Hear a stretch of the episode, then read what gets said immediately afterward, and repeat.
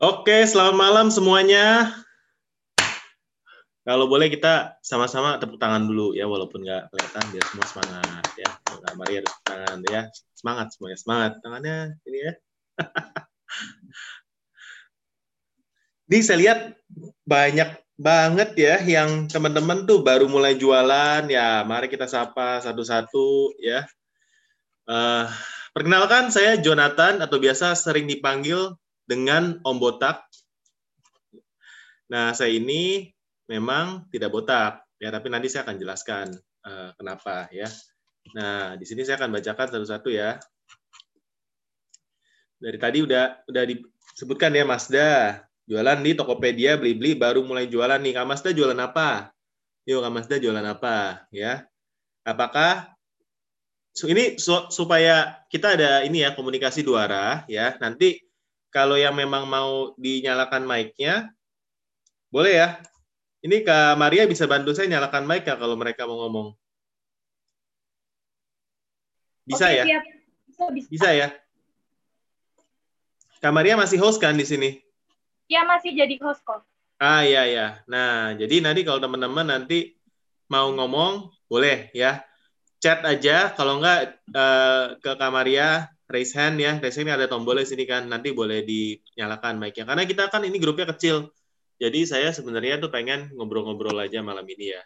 Karena saya melihat nih kalau baru-baru jualan, mungkin masalah terbesarnya itu pertama menemukan barang yang akan dijual, cara analisa pasar, dan ke lalu setelah itu bagaimana caranya pecah telur, ya, itu ya.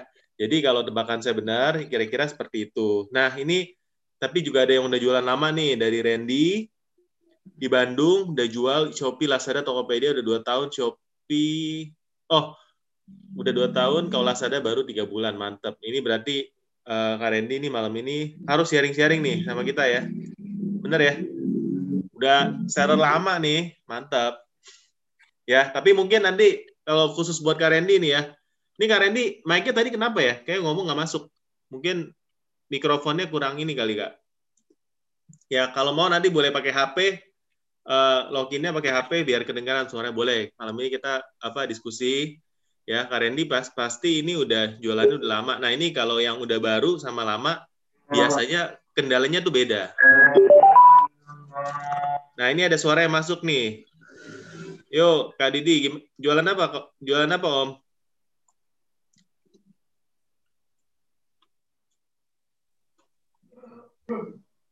Oh, jualan perlengkapan olahraga, Om.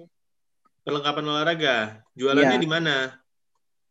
Di Shopee, Lazada, uh, Bukalapak, Tokopedia. Dari Padang ya? Ya. Wih, mantap. Tapi ini udah jualan 4 tahun, ya? Ya. Paling rame di mana? Di Shopee sama Lazada. Awal-awalnya di Bukalapak terus uh, Shopee Lazada gitu. Sekarang Bukalapak uh, sama Tokopedia udah udah jarang pembeli itu Om. Bukalapak apa lagi ya? Agak ya. agak sepi sekali sekarang ya. Iya. Berarti uh, ini di Shopee Lazada ya. Sekarang kalau misalnya dalam jualan ini berapa bulan ini gimana nih Om? Uh, kendalanya apa? Terus habis itu uh, kira-kira apa yang bisa kita sharing buat jadi apa inspirasi buat teman-teman malam ini? Kalau masalah di saya sih kayak gini Om. Misalnya ada produk yang udah laku gitu kan. Terus uh, produk tersebut uh, habis gitu. Terus uh, mau restock mau tentu kalau di Shopee produknya kita kosongkan lagi stoknya kan pas uh, satu bulan kemudian produknya datang lagi restock lagi. Pas uh, restock itu udah nggak laku lagi. Itu saya bingung gitu. Hmm baik baik baik. Kalau begitu ya memang kalau di marketplace ya sekali produk itu laku ya ini buat teman-teman yang baru juga sama ya. Kalau kita udah punya produk andalan produk best seller atau kalau di Lazada biasanya disebut hero product ya produk juara. Nah ini trafficnya kalau udah bagus penjualan udah kencang, dia yang bawa traffic masuk toko, ya. Karena orang tuh bisa dibilang kadang-kadang bahkan sampai 50% penjualan tuh satu produk aja. Benar ya, Om ya? Lain ada yang enggak. Iya. Kadang-kadang. Nah, kalau produk itu kosong, cilakalah. Langsung bukan Itulah cuma produk pro- langsung sepi ya kalau produk Iya. itu kosong. awalnya awalnya saya mau coba satu dus dulu kan isi 100 buah. Terus eh, supplier nawarin eh, 7 7 dus 700 buah ya. Saya pusing lah sekarang kan. Barang eh, datang lagi 700 buah tapi penjualannya nggak ada gitu. Hmm. Jadi begini sih Om, biasanya ya. Pertama prinsipnya ya. Ini kita sharing-sharing ya malam ini ya. Ya. Kalau mau yang spesifik boleh. Pertama prinsipnya produk itu ada umurnya. Biasanya produk itu laris. Kadang ada yang cuma satu bulan, ada yang bisa enam bulan, ada yang bisa satu tahun, tapi kebanyakan di bawah satu tahun. Jadi sebelum produk itu turun, kita harus mencari produk baru. Makanya saya tokonya tuh update setiap hari, setiap minggu pasti kita ada produk baru. Ya. Dan kalau update produk baru, misal ada 10, saya cicil masukin ya satu satu satu. Supaya orang kalau ke toko kita ngelihatnya tuh fresh, ada yang baru, nggak ngebosenin. Dan kalau produk yang hero kita ada kendala, stoknya habis, ya dapat review yang jelek, trafficnya turun, sudah ada produk pengganti untuk menggantikan produk hero tersebut, Om. Yaitu satu. Nah, kedua, kalau untuk barang bestseller, kita hati-hati, ya. Tadi kan cerita kalau eh, biasanya belanja 100, terus ditawarin 700. Nah, kita pikir kan, wah ini pasti habis. Takut ke kosong lagi kan. Padahal, ya selama kita nggak jualan, mungkin aja pertama, sudah ada toko lain yang jual mungkin dengan harga lebih murah. Mungkin. Saya nggak tahu ya. Yang kedua, produk itu udah hilang masanya. Jadi digantikan sama produk lain atau sama toko lain karena tokonya Om Didi ini udah nggak jualan. Ya, dan untuk dapat trafficnya lagi tuh perlu kayak dari nol lagi.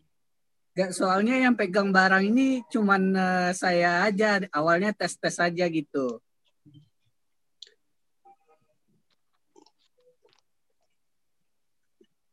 Lalu Terus eh, nggak nggak ada toko lain yang eh, jual gitu. Udah saya cek kan di Shopee gitu. Dan yang ada ada pun yang jualnya pasti harganya di di atas saya gitu. mm-mm. Ya saya bi- bingung juga gitu apa ini ada algoritma di Shopee atau di Lazada gitu. Saya juga nggak tahu gitu. Saya bingung juga kayak gitu. apa mungkin tren produknya udah turun? Karena memang produk itu nggak boleh stop. Bahkan kalau misalnya bisa kemarin itu sewaktu kosong, jangan digudangin. Kalau tahu barangnya mau datang lagi, dibuat pre-order Iya. om. Kalau Shopee itu. Ya itulah Om.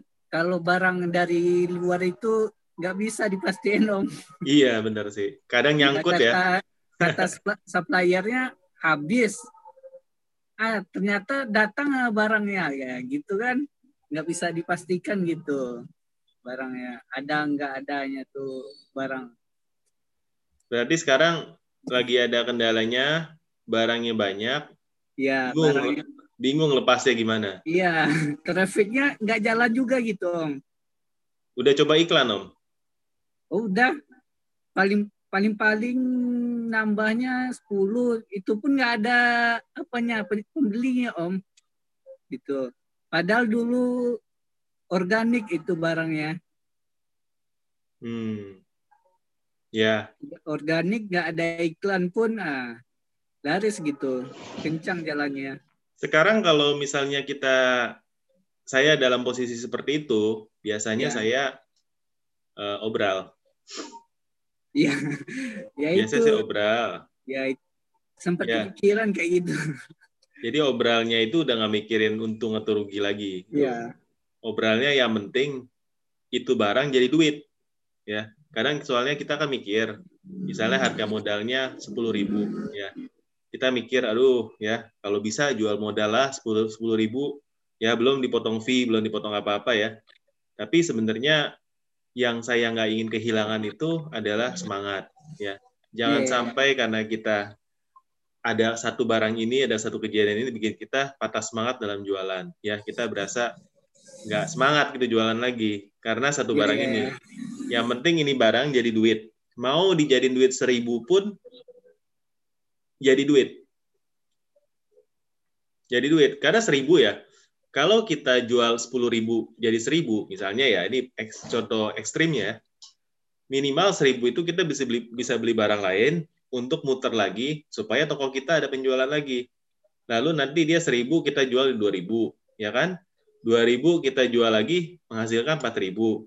Empat ribu jual lagi menghasilkan delapan ribu misalnya. Delapan ribu jual menghasilkan lima belas ribu, enam belas ribu. Udah balik lah tuh barang. Daripada barang yang pertama nggak kita jual-jual karena harganya nggak kita turunin sampai satu tahun juga masih di sana. Kalau jadi duit, dia bisa beranak pinak. Kalau nggak jadi duit, makin lama harganya makin turun. Iya, iya. Ya jadi ya sharing yang bagus sih. Namanya pengusaha memang gitu om. Nggak mungkin untung Ya. terus. Ada nggak eh, kemungkinan untuk buat toko baru lagi gitu Om? Supaya barang ini jalan, ada nggak itu opsinya, pilihannya? Buka, misalnya kita udah punya toko satu, udah empat tahun kan, ah, buka toko lagi, kita pasarkan produk.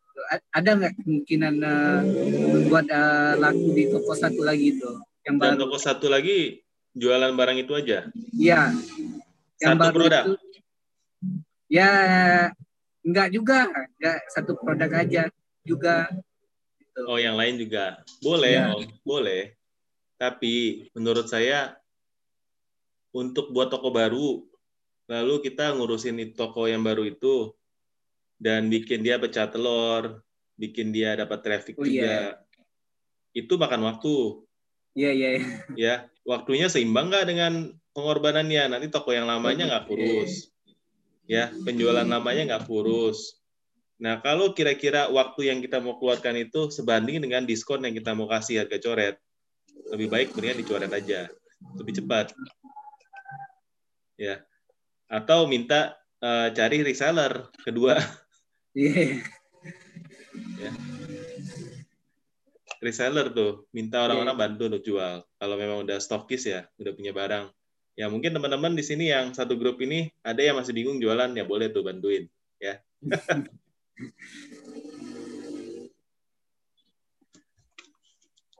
Kalau gini ada nggak pengaruhnya Om? Harga coret sama harga langsung di, di diskon ada nggak pengaruhnya gitu?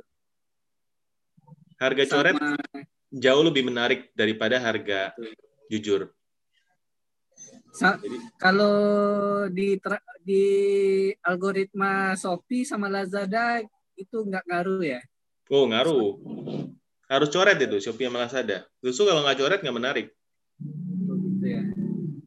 Mhm. Saya Selama pernah ini saya pernah harganya juga gimana? tes tes barang yang dicoret sama barang yang nggak dicoret om. Lebih laku barang yang jujur gitu gitu. Makanya akhir-akhir ini saya jarang gitu pakai harga-harga coret gitu. Nah langsung harga jujur gitu. Kalau gitu Soalnya buat lebih- dua dua produk Om. Yang Iya. satu jujur, ya satu dicoret, nanti ketemunya sama harganya. Coba ya kita tes. saya juga eh, buka dua gitu om aku yang eh, jujur gitu daripada dicoret gitu lebih banyak trafiknya Itu di toko yang sama. Ya toko yang sama. Tapi judulnya saya beda-bedain. Nah, mungkin Paling- masalah di paling- judul itu. Enggak. Paling-paling di belakangnya saya kasih murah gitu. Hmm. Di keyword ke belak eh, kasih judul misalnya eh, korek api merek merek ini. Ah, yang satu lagi saya kasih korek api api merek ini murah belakangnya gitu saya bedainnya judulnya. Tapi gambar semua sama ya. Ah, gambar semua sama. Ya. Memang pertama sih barang nggak boleh kosong. Kedua, jangan terlalu nafsu ambil barang itu aja sih om. Iya. ya pusing uh, kapok saya sekarang om. Ya enggak sih om, pelajaran aja, pelajaran ya. lah. Ya, namanya kita ngambil kesempatan yang kadang bisa salah, gitu aja. Tapi memang uh, sering lah, seperti itu mah, sering. Ini pengalaman baru juga nih. Biasanya ambil barang nggak pernah ini ya, nggak pernah macet, lancar terus. Uh, nggak pernah macet om. Enggak, yang eh, baru laku sekencang ini baru satu kali ini gitu. Biasanya ganti-gantian gitu yang lakunya. Saya kan ada jual di Shopee 700 lebih produk gitu. Biasanya ganti-gantian aja. Kalau yang ini kemarin kencang itu aja terus uh, orderan orang kan Hmm. Sekarang uh, mentok uh, udah nggak ada lagi kayak gitu. Ganti-gantian lagi yang uh, produk yang uh. Oke, okay, baik. Oke, okay. nanti kita sambung lagi Om ya. Coba okay. kita sapa-sapa yang lain ya. Oke, okay, oke. Okay. Thank you Om. Ya, Sama-sama, ini om. ada Randy. Ya, ini yang tadi ya. Om Randy udah bisa ngomong belum, Om? Udah bisa ini, mic-nya udah bisa. Udah bisa belum? Ada. Oh, ada Bekti nih. Mau mau ngomong. Boleh, boleh. Ayo. Mana kita Udah ada belum, Om? Oh, udah. Udah ada. Siap. Oh, iya. Gimana, Om? Jualan apa? Jualan gorden. Oh, hordeng. Iya. Jualan gorden. Gimana jualannya om, uh, sekarang? Jualannya sih uh, menurun, menurun drastis di dari kemarin habis corona lah. habis corona.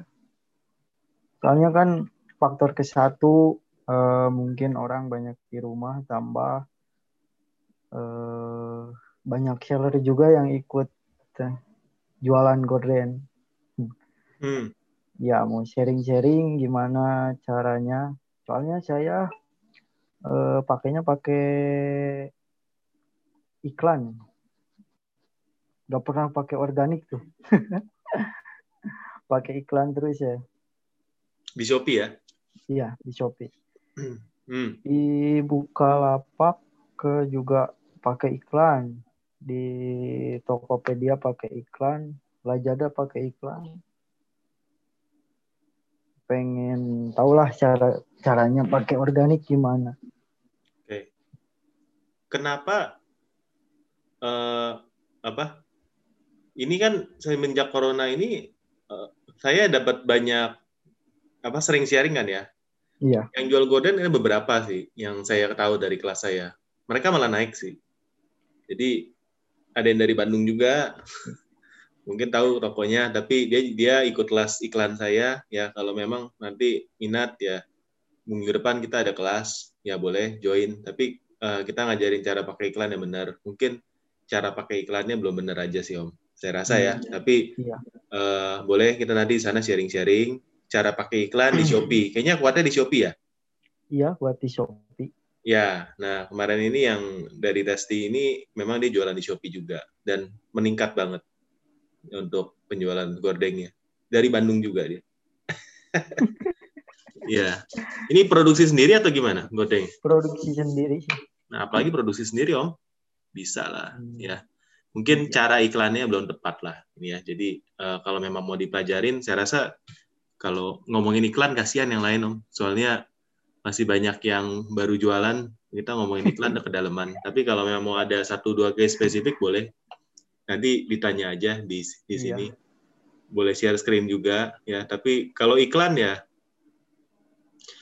uh, saya juga dari dulu main iklan karena saya nggak kuat kalau organik doang. Yang jualan banyak banget ya. Om tahu sejak pandemi ini, teman-teman ya, itu sekitar tambah 2 juta seller per marketplace Jadi di Shopee tambah 2 juta. Tokopedia tambah 2 juta ya per marketplace. Itu dari 7 juta ke 9 juta. Ya, jadi teman-teman bayangin ya, yang jualan sekarang luar biasa banyak. Buktinya ya, dari tadi kita bilang ya, saya baru mulai jualan lima bulan ini.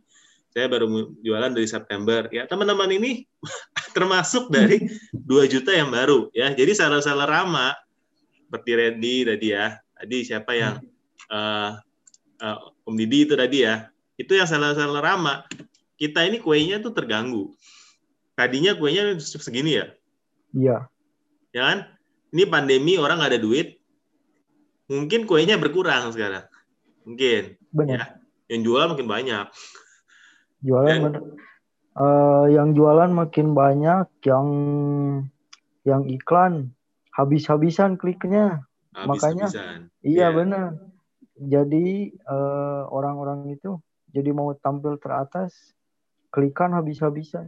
Bener, bener Om. Sekarang kalau kita cuma ngandelin iklan doang, organiknya jelek, juga mungkin itu bermasalah. Ya organiknya maksud dari fotonya, dari kata kunci yang kita pakai di judul, dari deskripsinya, ya, dari fitur-fitur yang kita pakai, ya semuanya kita harus kuasain, ya. Tapi Iklannya kapan Om? apa? Kelas iklannya kapan Om? Kita kelas iklannya itu saya hari Sabtu sama hari Minggu depan. Nanti saya share di grup sih.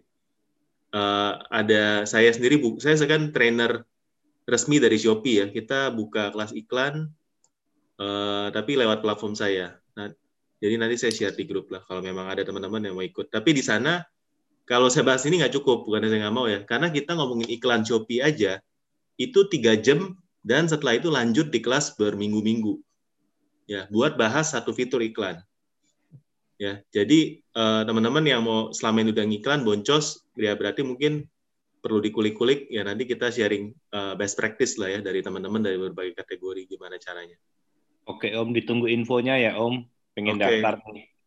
ini ini ini om rahasia rahasia ya om ya nggak boleh nggak boleh tahu namanya siapa om Iya rahasia. ya udah tadi ya mau nanya-nanya gitu rahasianya apa gitu ya rahasia sukses Nggak boleh tahu. nggak boleh tahu ya ya udah deh nggak boleh tahu ya nggak apa-apa kita ngobrol emang nggak rahasia aja ya eh ya gitu sih om. Tapi jadi menurut saya sih apa persaingan pasti makin tambah.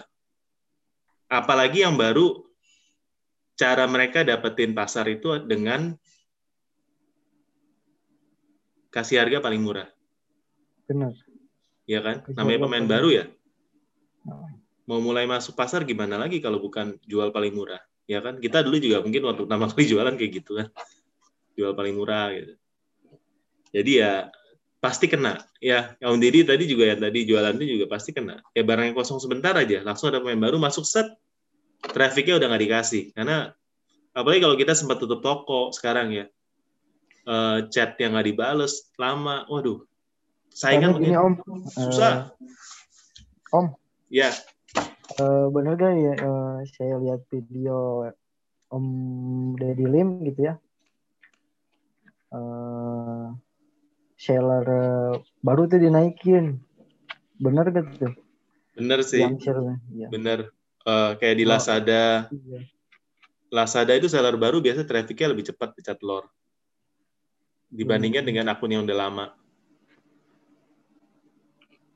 Shopee, Topet juga sama sih. Karena mereka itu pengen semua seller tuh mulai jualan. Setelah ada jualan lama kan mereka mau nggak mau harus ngiklan kan. Kalau nggak nggak dapet tra- traffic. Nih salah satu case kenapa kita harus ngiklan tuh seperti ini. Kemarin itu kita- saya sama teman-teman ngetes. Di produk saya saya kasih produk baru ya. Toko-toko kita kan udah lumayan banyak followernya. Kita kasih produk baru harganya 99 rupiah ya. Nggak dimakan loh. Ya. Jadi memang eh, intinya adalah kalau kita nggak ngiklan kalau produk itu nggak di- belum ada reviewnya ya toko sudah besar pun dengan produk baru itu nggak dilihat Bener kan? bener ya om ya Iya bener. zaman dulu tuh soalnya jualan tuh enak banget. Saya masih ingat ya. Saya karena jualan udah lama dari Tokopedia dari 2011. Dari di Bukalapak saya jualan 2014. Eh, barang-barang yang saya jual itu biasanya saya seller pertama yang upload itu di online. Jadi saya search nggak ada yang jual. Saya masukin pertama kali. Jadi foto saya bahkan sampai sekarang itu banyak sekali dipakai untuk eh, foto-foto seller lain ya. Ya, ya udah ya resiko orang pertama ya. Tapi harga itu juga nggak bisa kayak dulu ya. Dulu saya bisa jual harga seenak jidat ya. Sekarang nggak bisa, nggak bisa. Walaupun tokonya udah gede, udah gimana. Kalau kita jual harga eh, ketinggian juga nggak masuk. Walaupun ngiklan sama Iklan pun beda sama zaman dulu, Om. Zaman dulu kan eh, iklan irit pun dapat orderan terus terus naik naik terus. Kalau sekarang iklan sedikit, orderan pun sedikit. Benar, iya. Dan seperti di iklan di Shopee ya misalnya ya, teman-teman ada yang iklan di sana ya. kan kalau misalnya mau murah, kita pakai yang spesifik. Iya. Kata kuncinya ya. Saya tuh dari set banyak saya pakai kata kunci spesi- spesifik ya. Tapi tetap kalau kita nggak budgetnya tuh nggak gede, pakai spesifik semuanya. Jadi kita irit ya. Itu kunci trafficnya kayak nggak dibukain, nggak akan rame. Gitu. Iya bener. Kalau Mesti kita- kayak sengaja di jadi luas, sengaja diboncosin, baru tokonya tuh baru bisa rame. iya. Jadi saya sendiri nggak percaya kalau gaya main iklan. Oh ya udah deh, kita bisa iklannya sehemat mungkin untuk ini. Tapi saya percayanya ya udah, kita tahu kategori kita apa, eh, rasio iklan kita untuk kategori itu menurut patokannya Shopee berapa saya ada. Jadi selama kita masih di bawah rasio itu, kita iklannya nggak boncos. Menurut saya gitu. Ya, misalnya kita satu banding 10 deh, JIR-nya ya. Jadi cost income ratio kita setiap satu rupiah dapat 10 rupiah. Kalau bisa seperti itu udah cukup bagus ya. Tinggal harganya untuk produk kita itu pas ngitung harga dimasukin apa biaya iklan, biaya uh, voucher-voucher supaya kita jualannya nggak rugi. Om, halo. Halo, iya. Eh, saya mau tanya nih, kebetulan tuh Eh. saya buka Shopee itu udah 14 bulan. Awal tuh sampai satu tahun pertama tuh eh, organik meledak. Orderan tuh sehari bisa 100 paket. Setelah itu tuh supplier kewalahan Om. Akhirnya saya putusin buat bikin produk sendiri, terus saya tutup toko. Kurang lebih tutup toko satu bulan, produknya tuh nggak saya hapus, nggak saya hapus semua tuh. Sebagian saya arsipin. Nah, pas saya upload lagi, trafficnya tuh hancur banget Om Iya. yang lihat tuh sehari tuh 100 gitu. Dari yang sebelumnya tuh nyampe 5000 itu organik organik bener-bener organik karena saya nggak ngerti iklan. Dan tahun pertama buka Shopee itu eh, iklan tuh cuma 2500 tapi itu pun nggak ada closing. Saya nggak ngerti cara bacanya waktu itu tuh. Terus seka- sampai sekarang eh, ya lumayan sih sehari udah ada 900 orang yang lihat toko. Cuman orderan masih di angka 1 2 1 2 Eh, saya apa ya satu produknya paling dilihat baru berapa ratus dan naiknya tuh pelan-pelan banget om. Saya udah gimana kira-kira ya om? Udah tiga bulan kurang lebih dari semenjak tutup toko. Apa sih harus buka toko baru om? Sorry ini dengan dengan siapa? Kak siapa ini? Sa- saya istrinya Heri kebetulan suami lagi di luar. Oh, Heri. Iya, Ibu Heri tadi ya? Boleh ya? iya. Maaf ya om ya. Iya. Eh, memang tadi kan kita juga sempat bahas ya. Kalau memang kita produknya kosong atau memang produknya kita atau memang tokonya tutup, itu kayak trafficnya langsung di dipindahin ke tempat lain gitu. Jadi jadi susah sih. Ya, kita hitungannya walaupun produknya udah terjualnya seribu gitu. Tiba-tiba produknya kosong, mau aktifin lagi itu udah udah beda. Beda banget ya. Jadi kuncinya sebenarnya di online jangan sampai produknya kosong. Kalaupun kosong, kita ganti eh, iklannya itu kita ganti sama produk lain. Jadi produknya nggak mati, iklannya nggak mati gitu. Ya, Hmm. cuman cuman di Shopee kadang-kadang ketahuan sih, di delete langsung. ya, misalnya nih hordeng nih motifnya beda-beda dikit, Iya. tapi pelan-pelan gantinya. Ya, biasa pelan-pelan ganti. Jadi diganti fotonya dulu, ya judulnya jangan diganti, dibiarin dulu ya. Di situ eh, apa? Setelah udah berapa kali laku ya, mulai satu dua kata diganti gitu pelan-pelan. Ya ini jangan sampai produk itu mati atau di PO-in dulu. Ini kan masih ada beberapa produk bekas supaya lama nggak saya habisin tuh, oh udah ada penjualnya lumayan lah ada berapa ratus gitu. Kalau sa- baiknya saya buka atau hapus om, saya buka saya ganti produk saya atau saya hapus produk lamanya, produk arsipan bekas produk sebelumnya. Nah, kalau dari prinsip saya tadi, baiknya dibuka sih. Tapi produknya mirip nggak? Atau beda kategori, Eh, beda apa? Mirip. Sama sama sama hijab iya betul. Nah, mendingan diganti pelan-pelan kayak gitu. Ya, Oh, tapi gitu ya. akan ada resiko ke di tag sama Shopee ke delete ya. Ya nggak masalah. Kan nggak apa-apa, namanya Om. juga resiko kan. Nggak apa kita ambil juga resiko. Iya. sama ini saya tuh kan kemarin tuh eh, apa materinya Mbak Konita ya kemarin tuh katanya kan eh, dia kan pakai prinsip organik sama dia tuh tiap hari tuh ngapus eh, deskripsi tuh satu satu ini ya satu huruf gitu nah sedangkan yang waktu itu saya pernah eh, dapat materinya dari eh, siapa Om Deddy kalau trafficnya udah ada jangan diapa-apain gitu tapi kalau kata Mbak Konita tiap hari harus diedit deskrip- deskrip- deskripsinya. Jadi gimana Om baiknya Om? Dibiarin atau gimana? Saya rasa setiap orang itu kayak punya cara menjurusnya masing-masing ya. Jadi kalau memang eh, apa Bu Heri itu setelah mendengarkan eh, masukan dari mentor dari seller lain ya dicoba aja. Tapi diambil yang kira-kira pas lah stylenya ya. Soalnya kalau diambil semuanya nggak mungkin pasti nabrak lah. Gayanya saya sama Om Deddy aja beda gayanya Konita saya kurang tahu juga sih dia gimana ya. Ya tapi kan saya tahu lah dia udah cukup lama sih 2-3 tahun kenal. Beda juga ya. Saya termasuk yang nggak pernah ganti deskripsi setiap hari. ya.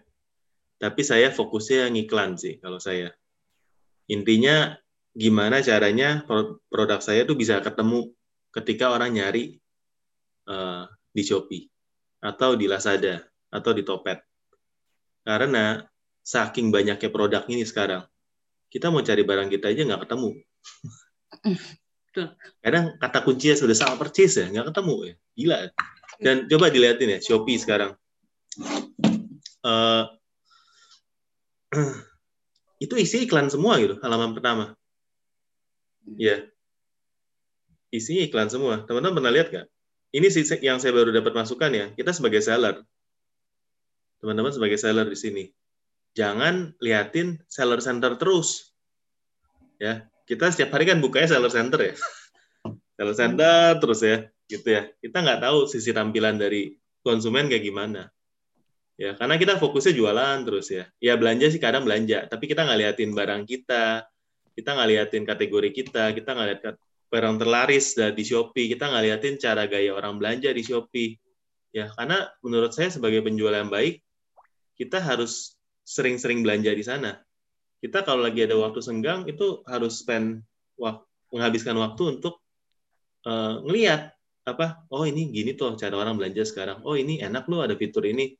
Tinggal klik-klik-klik, misalnya uh, combo hemat di Shopee, ya kan? Beli berapa produk lagi, dapat hadiah, ya kan?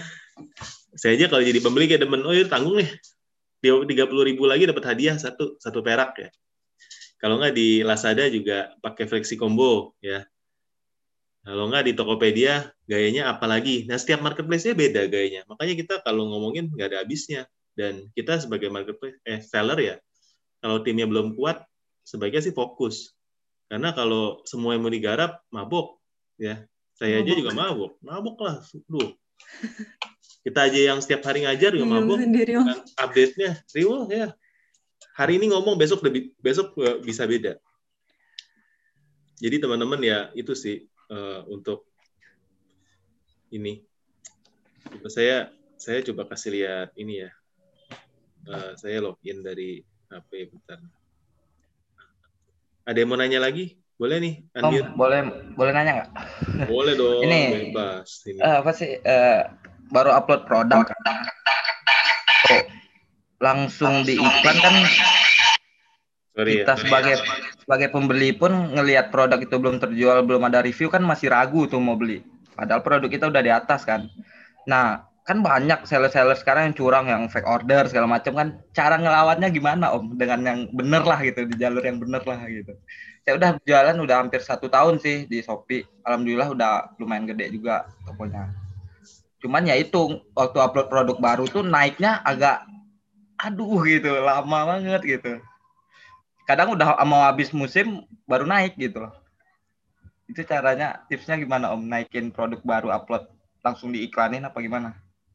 Apa tunggu review dulu gitu?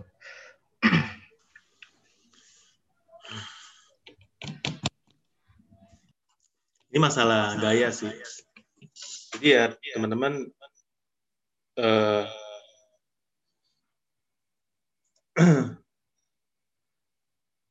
saya termasuk yang nggak pernah fake order ya.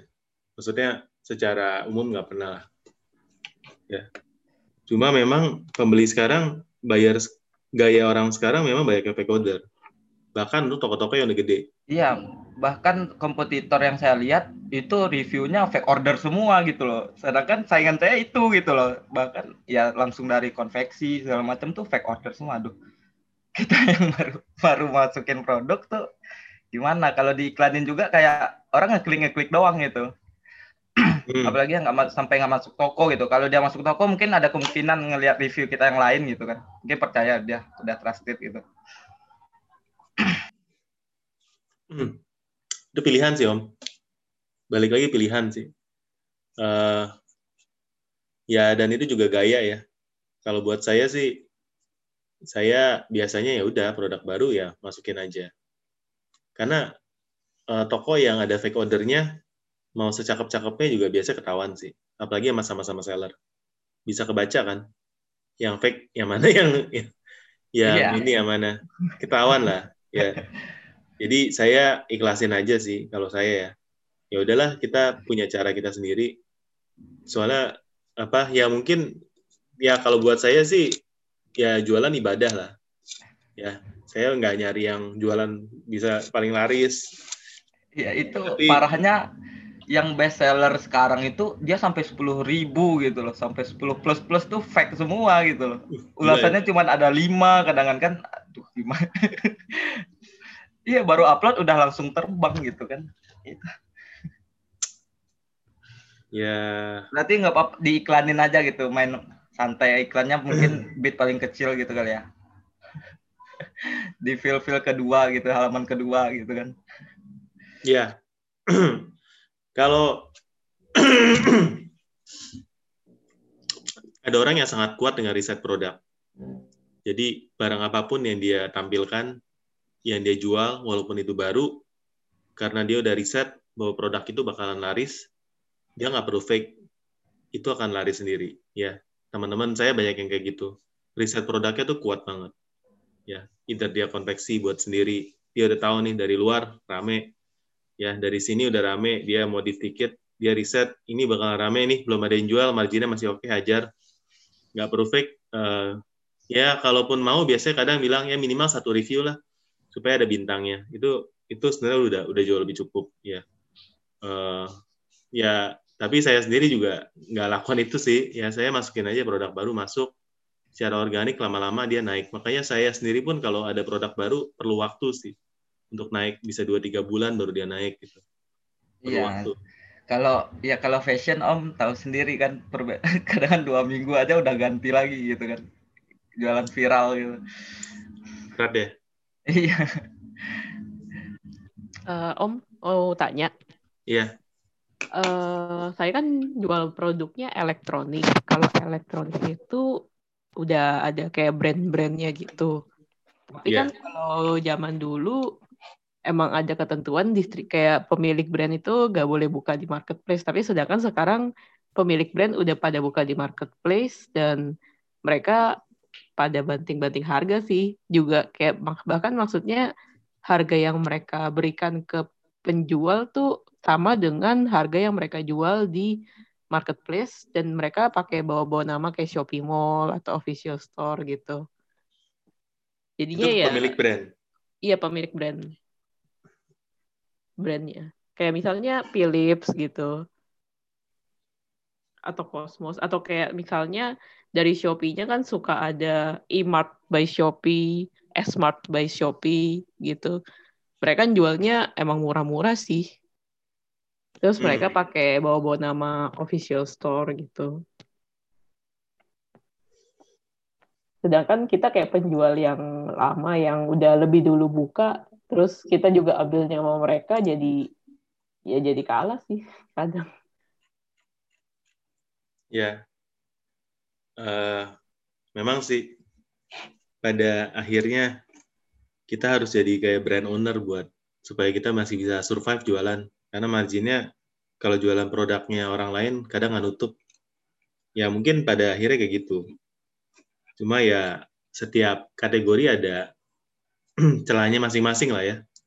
Saya nggak tahu kalau elektronik kayak gimana.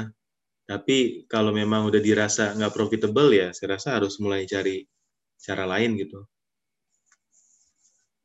Eh, kita ada sih jual toko-toko yang jual barang-barang pabrik.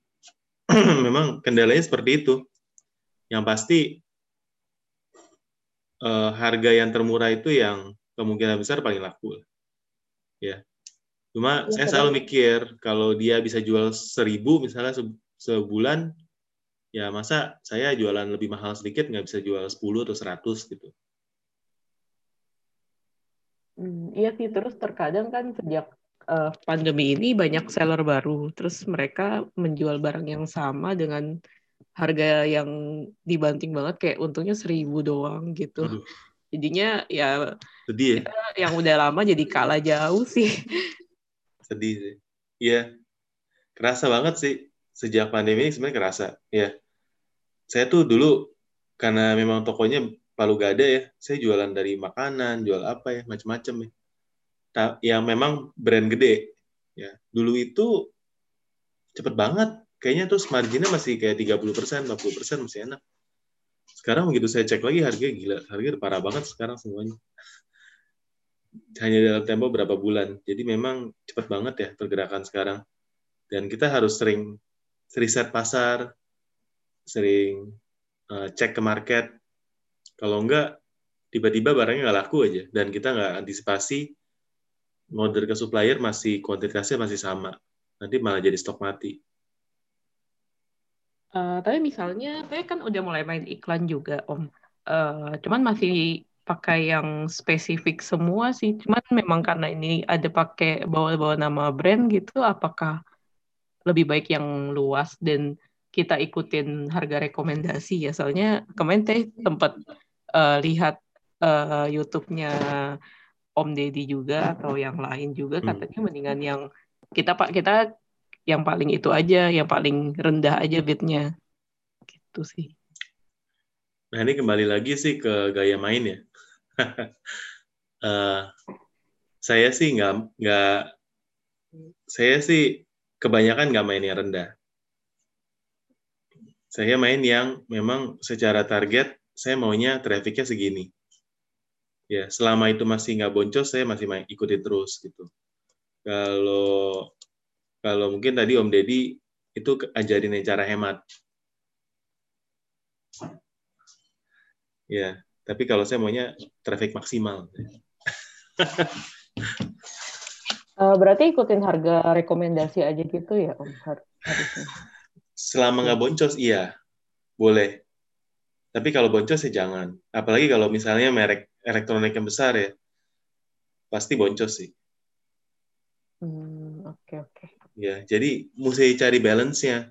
Di mana eh, elektronik kan sebenarnya bidding maksimalnya juga memang agak mahal sih setahu saya, tapi eh, barangnya juga kan mahal. Jadi kan secara persentase iklan tuh nggak nyampe 10 sampai 15 ya kan, karena barang elektronik, elektronik mahal, nggak bisa sampai segitu marginnya. Ya diikutin lah. Ini ini kan sebuah gaya ya, dan memang ini riset kata kunci itu semua. Jadi kita harus eh, perlu waktu buat analisa dan harus siap-siap boncos. Kalau saya sih filosofinya kalau di kelas iklan saya bilang sama eh, di kelas kita ya kita ini kayak sewa tempat di mall, di pasar, ya, di ruko. Kita sewa tempat buat satu tahun jualan. Ya satu tahun misalnya satu bulan 5 juta ya, itu ya biaya yang harus kita keluarin sebulan tuh 5 juta. Ya, is masalah eh, kita laku gak laku, namanya bu- baru buka toko ya. Ya kalau baru jualan, namanya baru buka toko. Ya kan orang kenal dulu. Nanti bulan ketiga, keempat yang udah datang baru datang lagi, baru makin rame. Karena iklan itu kan memberikan review ke produk kita. Nanti produk itu semakin banyak reviewnya, dia akan menghasilkan semakin banyak organiknya. Ya, ya kira-kira seperti itu sih analoginya.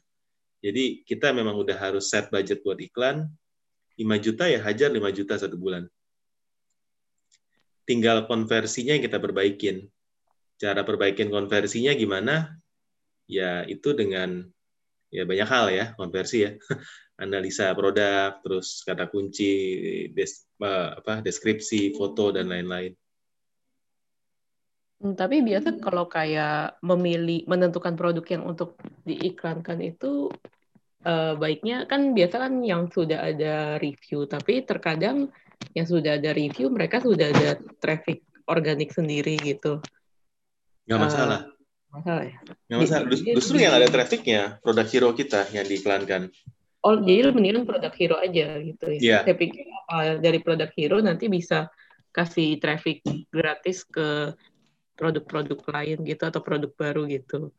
karena concernnya kan kan itu organiknya udah bagus ya kan kenapa kita ngiklanin lagi nanti kita jadi boncos dong harusnya udah bisa organik malah kita Iya, pikirnya juga iklanin, begitu. ya kan? Nah, eh, space iklan dan space organik kan slotnya berbeda. Kalau di Shopee kan misalnya yang baris pertama itu iklan, terus baris keduanya eh, organik, ya. Coba saya saya coba share screen dari Shopee deh kalau mau bahas iklan. Eh, screen.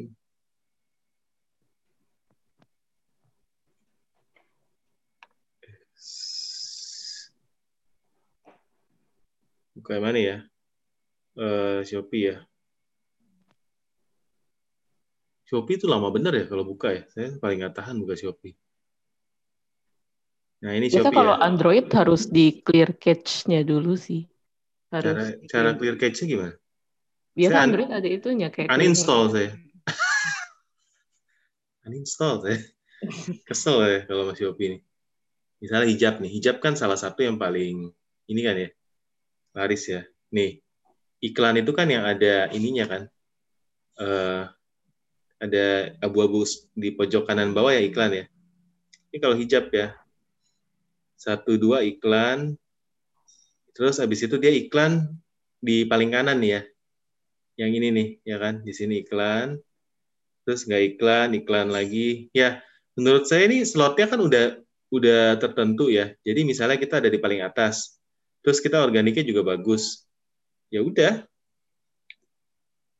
Tampil di page satu tampil dua eh, di dua spot nggak masalah menurut saya daripada itu diisi sama orang slotnya. Tapi kalau nggak ngiklan eh, berat sekali sih untuk kita masuk gitu ke ke orang gitu ya. Kalau Tapi gini katanya tanya, kalau di yang pertama, baris pertama itu justru lebih jadinya kayak boncos gitu ya. ya tergantung apa yang kita mau kan. Kalau memang saya maunya di halaman pertama Hmm, oke oke. Sip Om, thank you. eh, ya maksudnya tergantung dari target kita kan. Setiap setiap orang punya gaya masing-masing. Saya nggak bisa maksain oh pokoknya eh, kamu harus jangan boncos iklannya. Ya kamu Halo. harus harus baris ke ini aja. Ya enggak lah. Saya rasa setiap orang gayanya beda-beda. Maka sesuaikan dengan ini. Menurut saya sih asal budgetnya cukup nggak boncos jalanin aja. Halo? Halo, Halo. Ya Halo. Om. ya siap Ya, ya Om. Saya mau tanya Om. ya boleh Iya, Om mengenai tadi yang masalah iklan sih. eh, saya kan udah jualan kurang lebih satu setengah tahun di Shopee. Nah, tapi eh, saya sih belum pernah menganalisa ya Om ya. Saya juga mengikuti channelnya Om Buta, juga Om Deddy juga saya ngikutin channelnya, cara risetnya mulai lihat CR-nya seperti apa. Nah, tapi kok di iklan saya itu malah saya baru buka iklan setelah beberapa bulan ini kan saya top up top up aja terus ya. Habis top up top up belum analisa intinya terus saya lihat itu ternyata kalau saya analisa itu boncos ya. Tapi orderan kok kok apa orderannya ada gitu loh. Untung sih gitu loh. Kalau skala jualannya untung. Kalau Hmm. skala iklan aku lihat boncos kayak gitu Nah, ini yang tadi kita bahas sebenarnya. Yang Kadang iklan Hmm. itu kayak buka keran traffic ke toko. oke Ya, jadi tadinya tokonya nggak ada pengunjungnya ya. Ya. Dia tiba-tiba karena toko ini beriklan dia naik terus. Akhirnya orang kalau di Shopee eh, ada pembeli yang klik iklan, tapi belanjanya produk lain ah benar itu belum kebaca sama Shopee sekarang. Oh. Tapi kalau nggak salah dalam hari-hari kemarin orang Shopee bilangnya dalam minggu ini atau kalau nggak minggu depan itu akan kelihat parameternya. Jadi nanti di dashboard iklanku itu akan ada pilihan mau lihat orang yang belanjanya dari iklan. Jadi dia klik produk yang diiklan, dia belanja produk lain Oh. atau hanya produk yang diiklankan saja. Nah, mungkin ya saya nggak tahu ya, mungkin ya orang klik yang diiklanin tapi belanja yang lain itu satu. Ya tapi yang kemungkinan kedua ka- ketika kita ngiklan itu kayak toko kita itu dibukain sama Shopee gitu dikasih traffic. Oh, benar. Karena toko ini apa punya budget buat ngiklan. Dan Iya, Shopee senang yang kayak gitu. Ya Itu Shopee tuh toko- Shopee tuh maunya kita ngiklan dong gak sih? Ya iya. iya juga ngiklan. Makanya kemarin waktu saya coba itu kalau saya hitung-hitung kan dari ilmunya Om Muta juga kan dihitung ya dari CR-nya berapa, ininya berapa, itu saya hitung, loh kok rugi banget ya saya ya, boncos banget gitu loh, tapi orderan saya naik, naik terus gitu loh. Kayak gitu. Cuman saya mau juga tanya nih Om, eh, kok ada ya beberapa kata kunci iklan yang sudah saya hapus, yang ada di Shopee nih, sudah saya hapus, terus saya kembalikan, itu nggak jalan sama sekali gitu. Apa ya? juga ada yang nggak jalan sudah nggak saya hapus sih tapi nggak jalan dia kok aneh gitu loh. Hmm. kenapa ya? Saya naikkan juga nggak. Saya naikkan di atasnya kan ada minimumnya tuh. Contoh satu, kata kunci madu kan saya jual madu nih. Nah madu 1.800 per klik. Saya naikin 2.000 aku mau coba. Jalan nggak dia? Nggak jalan. Kenapa ya om? Di seller center itu ya. Pernah ngalamin nggak kayak gitu? Teman-teman mungkin yang ada di sini. Hmm, enggak sih Om, atau mungkin saya juga nggak sadar. Ya, tapi enggak sih. Biasanya kalau saya aktifin, dia langsung jalan lagi. Heeh. apa Nah. harus di non nonaktifkan dulu om karena ada tuh di atas nonaktifkan terus saya kembalikan apa otomatis saja kita langsung dari bawah itu kan langsung bisa itu ya Hmm. Takutnya kalau dinonaktifin malah yang tadinya Malah- udah udah iya bagus benar benar malah aku juga jadi jelek. malah jadi jelek Jangan, jangan, jangan. Kalau bisa eh, yang udah jalan tuh iklannya tuh ya. Ya. Kalau mau di stopin, di pause aja. Jangan dimatiin. iya di stopin di pause terus ditambahin gitu ya Eh, nilainya kata kunci gitu boleh Boleh. Itu nggak usah di pause, tambahin tambahin waktu dia lagi jalan juga boleh.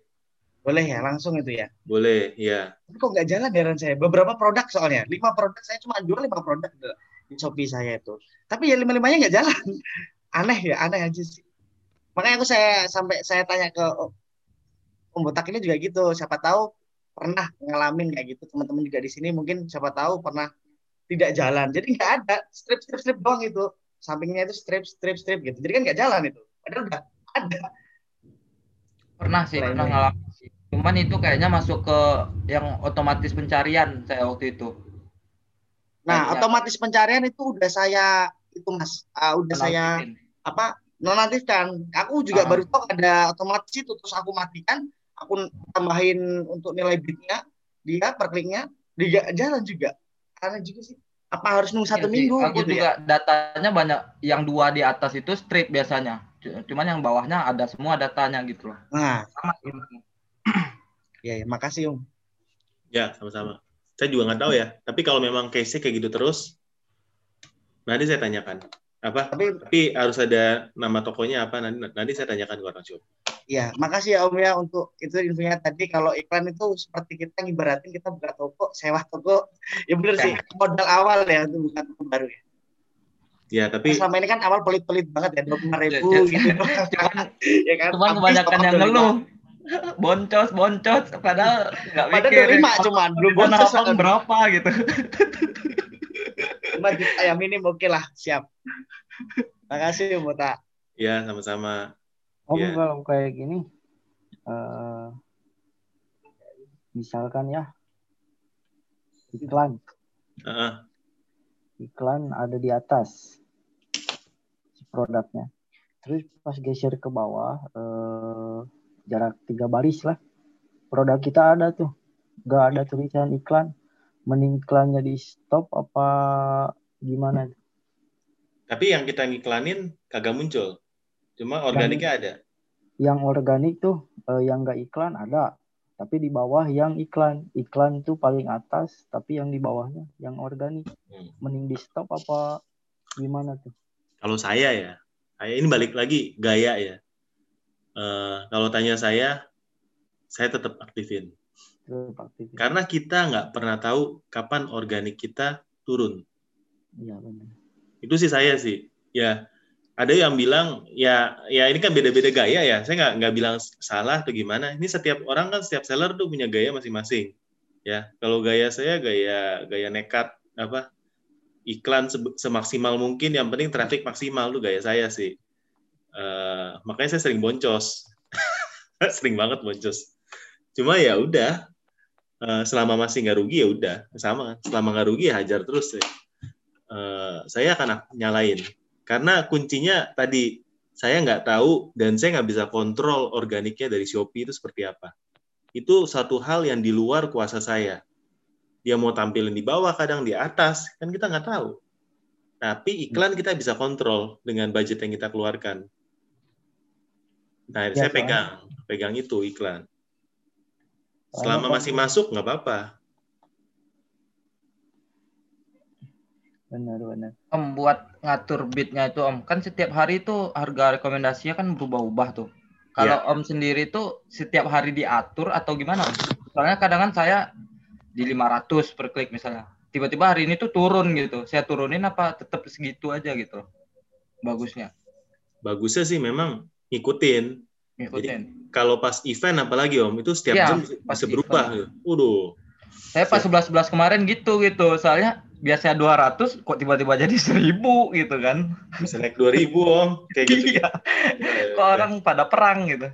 perang itu perang event event tuh kalau pas event saya pantau terus setiap jam itu sampai closing sampai jam 11 malam juga saya masih pantau Gila. Berarti sampai targetnya capai masih dipantengin ya. pantengin dari jam 12 pak dari jam 12.00 pagi eh, sampai satu jam dua jam pertama kita pantengin nih ini pergerakannya gimana itu Iya, saya biddingnya juga kan- karena Iya. kan banyak Jadi kayak trader gitu ya di depan. ya jadi kayak trader kalau lagi 11-11 jadi ganggu full depan komputer liatin terus cari toko gitu saya refresh ganti lagi, saya refresh ganti. Oh, berarti harus perang beneran. Ayo kalau ngajak perang gitu kan. Tapi konversinya pas event tuh gila-gilaan. Lebih Iya, lah. dari- konversinya. ya, nggak nggak boncos lah kalau ngikutin juga beberapa Oke. barang. Tapi kalau udah gila ya. Beberapa- Ini parahnya kemarin voucher 10.000 potongannya. Sedangkan harganya udah diturun-turunin itu udah pada minus semua kayaknya. ya itulah. Ya tapi seru sih. Ya semoga nanti 12-12 kayak gitu. Makanya ya kita biasanya buka kelas iklan sebelum event. Jadi seru sih. Di grup juga bahasannya seru. Biasanya gimana? Ayo teman-teman Tunggu Om undangannya untuk iklan. siap. Ya, tapi kalau gaya gayanya kita siap-siap yang ini ya, yang frontal ya. Yang, yang kayak barbar gitu. gitu ya Om ya. Kita agak barbar kalau misalnya iklan. Beda sama Om Deddy ya. Ah, beda, beda, beda, beda. Gaya gaya kita beda. Saya nggak, saya kalau sama dia Produknya beda Om. Jadi harus beda gaya. Beda gaya satu tujuan Om ya. Yang penting Satu tujuan. tujuan. Ya, saya saya masih darah muda. Dia dia udah om om. Agak kaku ya Om. Kalau boleh Wah, tahu besok ini kena marah Pro nih. Dribble gimana ini? ini sebetulnya ini grupnya bahas kredibel apa gimana sih Om? Kalau boleh saya tahu, soalnya kemarin saya nggak ikut yang kemarin kelupaan, ternyata udah jalan mulai kemarin. ya. Kemarin Lazada sama kok Konita. Oh, kemarin Lazada ya? Saya Om ada sih, buka kelas Tokopedia nggak Om? Lagi Ya, iklan. Om Botak Master Tokopedia, sharing Tokopedia dong Om. Kalau saya, mau aja Shopee terus kayaknya akhir-akhir ini. saya mau sih, mau buka. Tapi saat ini, minggu ini lagi buka Lazada. Terus eh, minggu depan Shopee. Eh, mudah-mudahan ada ya, apa Tokopedia. Saya nggak ada waktunya. Saya antara buka kelas atau ngurus toko sendiri sih. Nanti- sama-sama. Nanti kalau kalau ada ada waktunya saya saya buka, ya. Tapi mau sih, mau mau buka lah. Batch ketiga nanti kalau Tokopedia. Kalau Shopee, iklan Om. iya iya iya, pasti ada itu bagian beda iklan. gitu ya harusnya eh, algoritma kita iklan di Shopee gimana, Tokopedia gimana.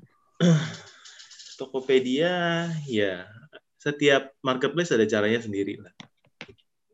Kan ya beda-beda lah. Nggak banyak yang bisa dibahas juga sih di Tokopedia. Karena dia itu kalau mau dimainin sebenarnya Shopee paling enak sekarang.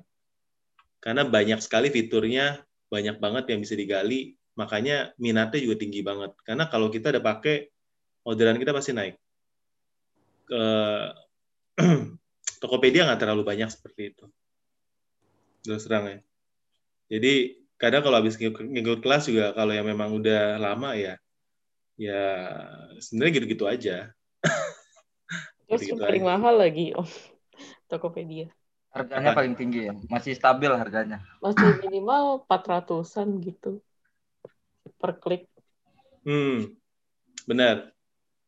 Eh, benar, Tokopedia paling mahal. Nggak bisa diapa-apain.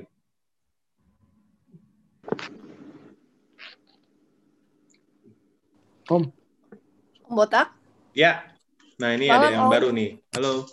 Om saya mau tanya dong, gimana caranya biar penjualan tiap produk itu merata ya? Jadi kita tidak cuma punya hero produk, tapi kita penjualannya itu bisa merata. Soalnya hero produk itu kan tidak bertahan lama kan, jadi kita harus ada spare produk-produk yang lain. Jadi ketika hero produk itu turun, kita ada kita ada serapnya gitu. Eh, secara teori itu nggak mungkin sih. Hmm. Karena secara teori kita akan eh, semua biasa trainer itu kalau bawain materi ya kita tuh produk tuh ikutin BCG analisis biasanya, Boston Consulting Group analisis.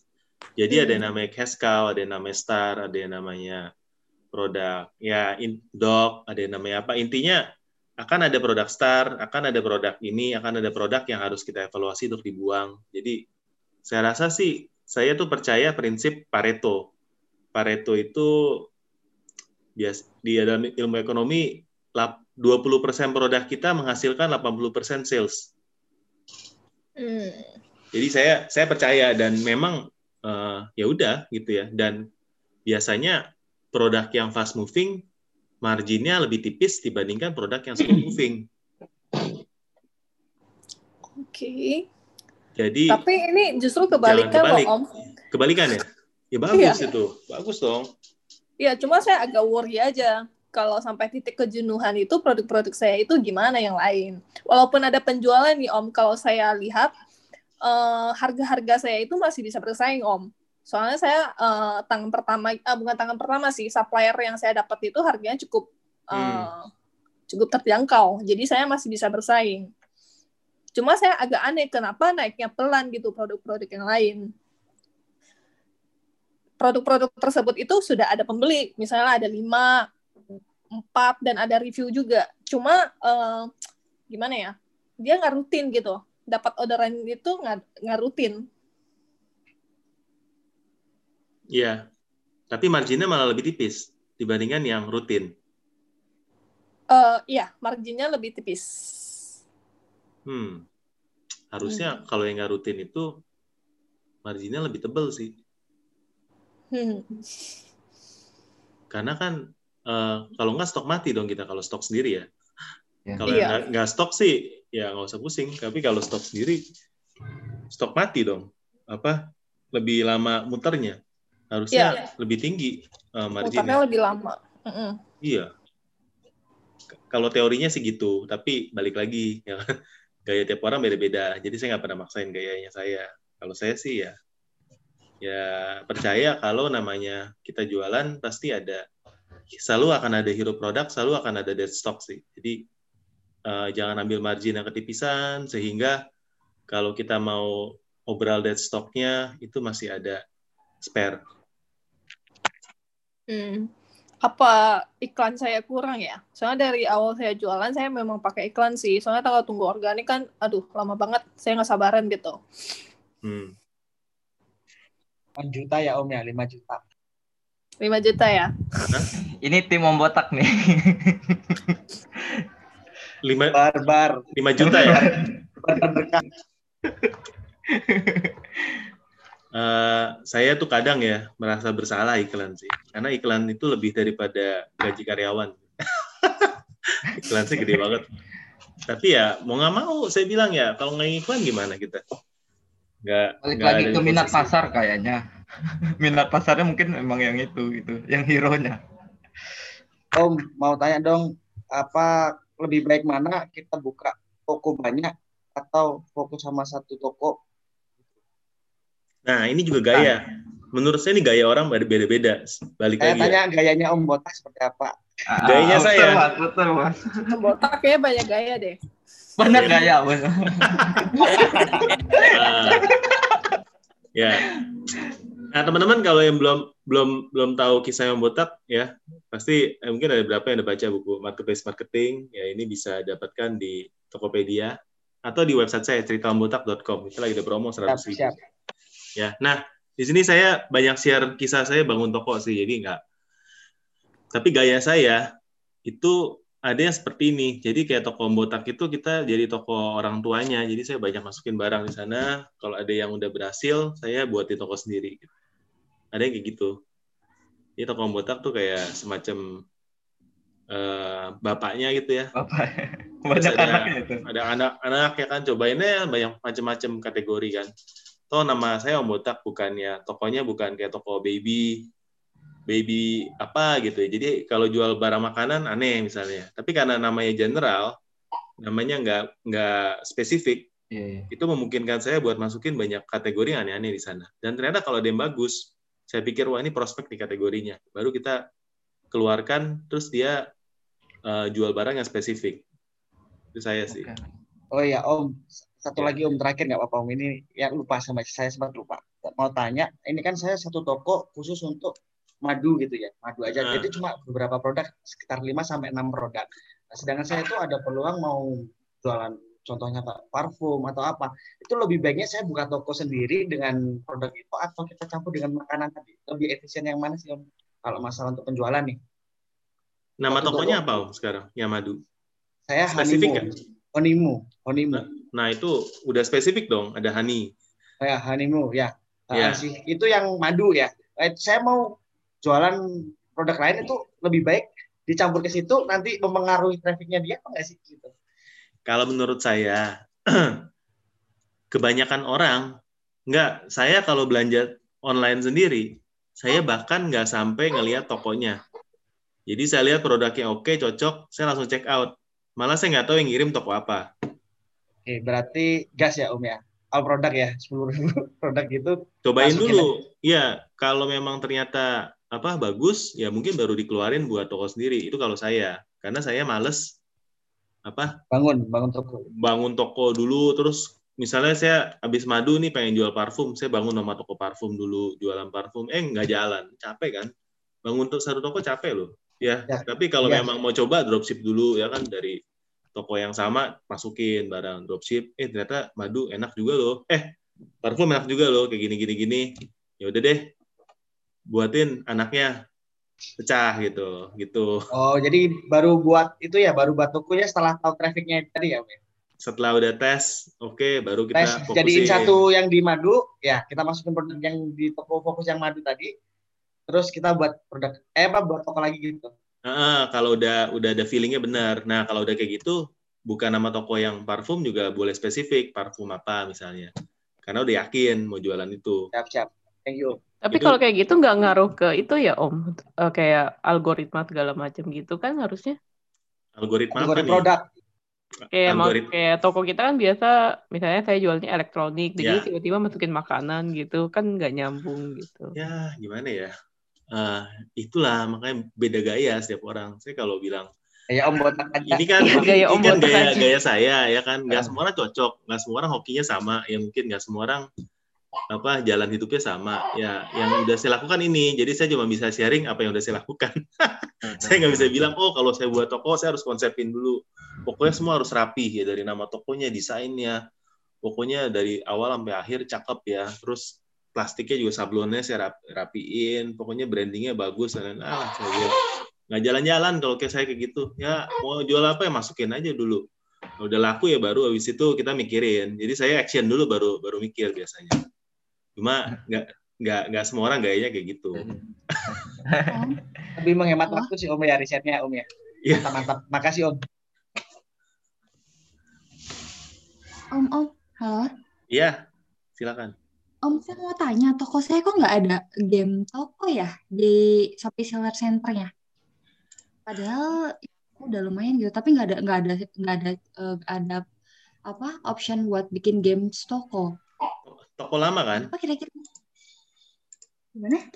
Toko lama ya betul. oh, iya toko baru biasanya lebih cepat dapat game toko dibanding toko lama Oh gitu. ya ini saya juga nggak tahu eh, apa kebijakannya gimana Eh, star seller bukan Star Seller ya. Followersnya udah hampir 20 ribu. Nah itu saya nggak tahu apa kebijakan Shopee untuk nge-whitelist toko mana yang dapat game toko atau enggak. Ya, tapi biasanya beberapa fitur itu mereka itu nggak buka buat semuanya. Misalnya fitur broadcast ya.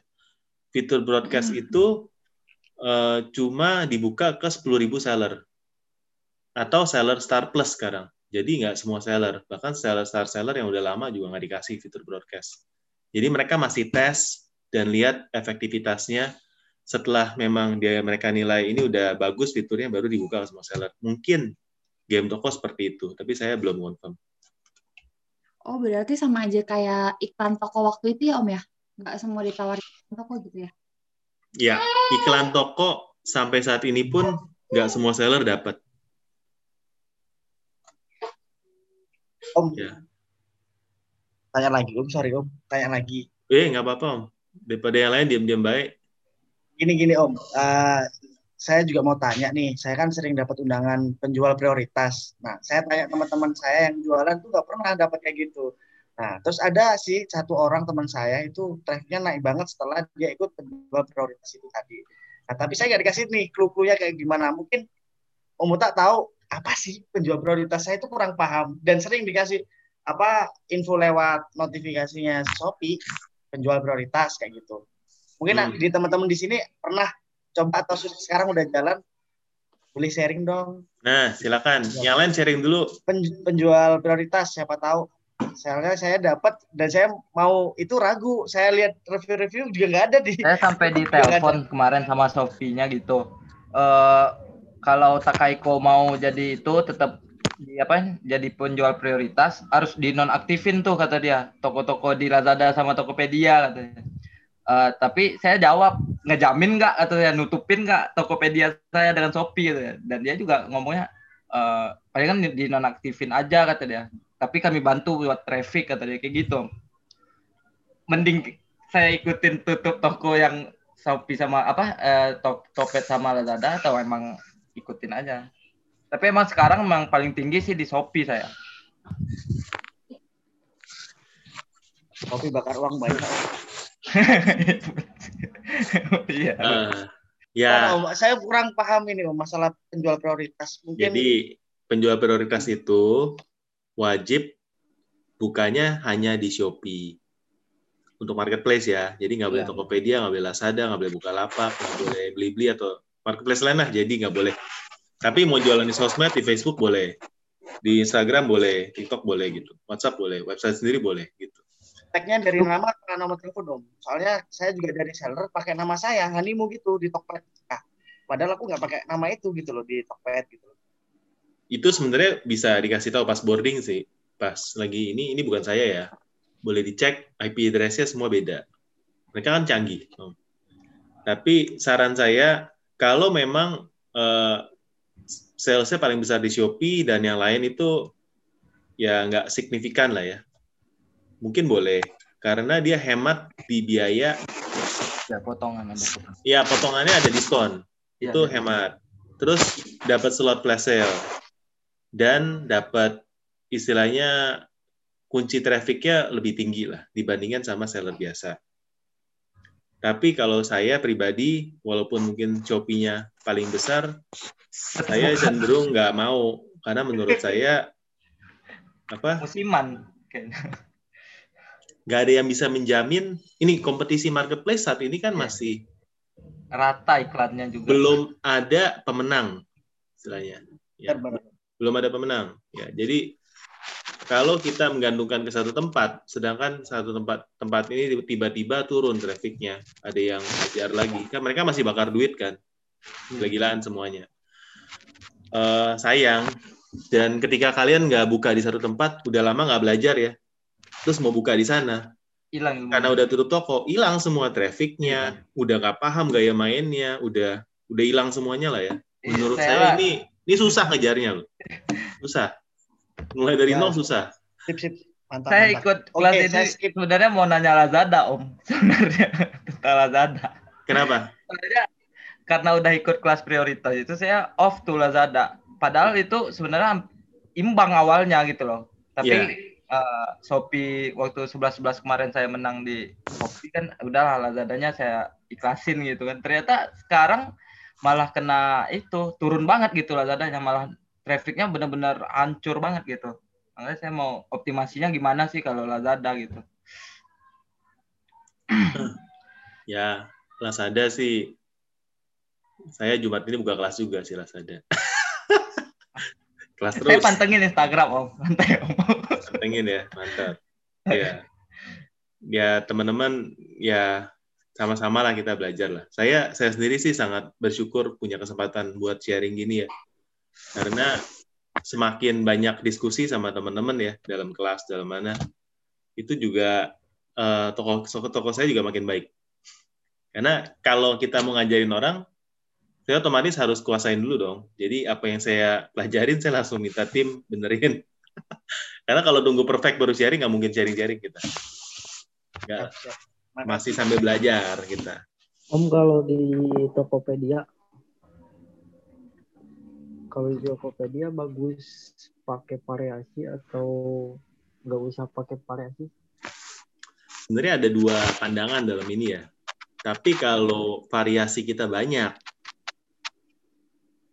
baiknya nggak pakai variasi sih. Karena Tokopedia maksimalnya variasi berapa ya?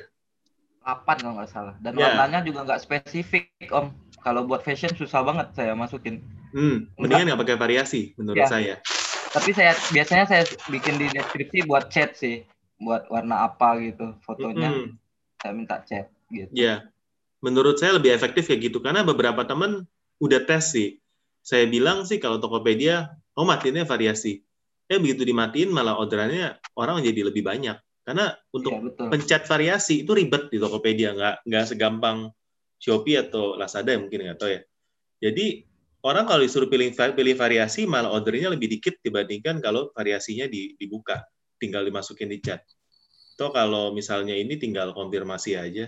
Kalau Dibikin enggak di ya, note sih saya tulis iya. tulis di note.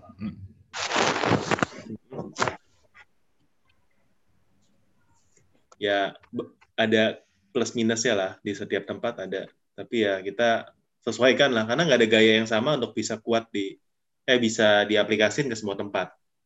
Untuk seller pun untuk bisa sa- kekuatannya sama rata di semua marketplace juga sulit. Iya. sulit. Ya. Teman-teman eh apalagi yang kita bisa ini saya malah nggak sharing materi sama sekali mas enakan gini ya ngobrol aja ya. Ini Om, ada keluhan. Kan Om dokternya. ya keluhan dan jawab ya supaya saya juga belajar ya teman-teman yang belum subscribe Instagram YouTube boleh lah bantu bantu ya kalau YouTube juga boleh nanti nanti saya upload upload apa materi-materi Zoom gini yang yang di Instagram nggak bisa saya upload YouTube supaya sama-sama belajar. Om, mau tanya lagi.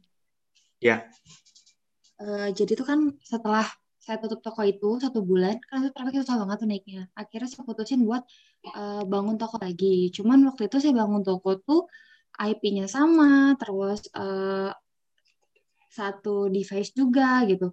Nah, saat itu tuh eh, yang jadi malah toko yang baru, tapi itu pun apa ya, masih pelan-pelan lah gitu. Toko yang lama tuh tenggelam dan hampir nggak muncul. Bahkan dilihat tuh bisa cuman 100 200 orang kayak gitu. Yang barunya tuh jadi tuh. Cuman setelah saya putusin kan waktu itu tuh kebetulan eh, naikin followers juga lumayan susah ya. Jadi akhirnya saya eh, apakah eh, ngaruh gitu kalau misalnya kita punya dua toko, satu satu satu device sama satu IP itu ngaruh nggak sih Om? Terus kalau misalnya memang udah terlanjur kan akhirnya saya putusin yang toko baru saya tutup lagi nih. Saya fokus bangun lagi eh, toko yang lama.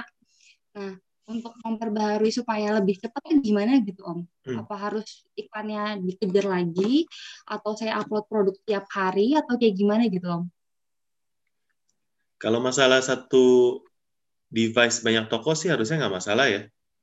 Eh, kan login logout juga kan ya sebelum ganti-ganti harusnya nggak masalah itu nggak nggak kena apa-apa kok Shopee memperbolehkan untuk masalah ini asalkan nggak nggak ada fraud ya maksudnya saling beli atau gimana saya rasa sih nggak masalah. Nah kalau untuk itu sebenarnya pilihan yang mana yang yang, yang mau dibangun? Ya terserah sih.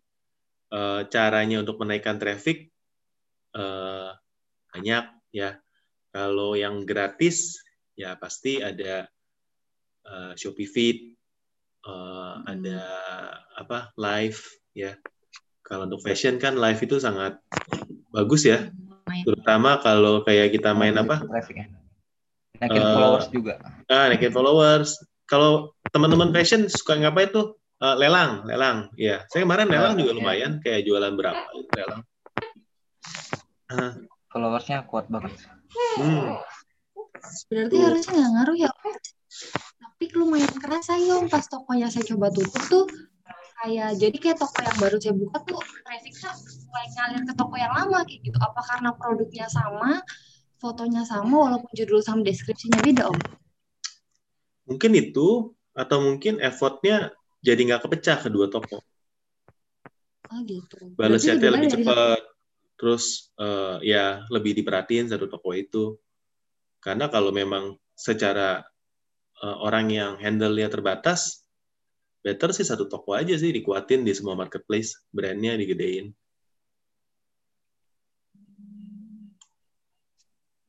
ya Om, tapi kalau mau itu Om, saya kan ada sekitar 15 hero produk yang rata-rata penjualan itu kejar-kejaran lah gitu setiap hari. Nah, kemarin saya tuh habis nonton YouTube tuh. Katanya eh, kalau buat algoritma huruf besar kecil kan ngaruh buat judul tuh kan. ya Ada beberapa yang saya coba ubah gitu loh. Ternyata setelah saya ubah drop banget gitu loh. Penjualannya drop, trafficnya drop. Itu saya ubah lagi ke balik awal apa gimana om? Bagusnya gitu. Ya makanya habis nonton YouTube ya langsung plek-plek di enggak, enggak semuanya om. Enggak semuanya. Dua aja. Dua aja. Makanya enggak saya plek telan semua enggak Ya, ya. Jadi tuh dari 15 jadi 12 tuh hero produknya. Jadi 13. eh kalau saya ya yang udah berhasil udah jalan produknya jangan utak utik lah. Mau salah Oh. gimana jangan utak utik ya. Saya sih prinsipnya gitu aja. Eh, yang diutak utik yang nggak laku yang trafficnya kurang baru kita utak utik paling gitu. Kalau soal judul ya sebenarnya prinsipnya sih eh, pakai jangan ada tanda, tanda baca sih terutama di Shopee. Dia nggak nggak nggak suka tanda baca. Oh. Titik koma tanda apa tanda pagar gitu-gitu nggak jangan pakai tanda baca. Itu buat iklan juga jelek bacanya.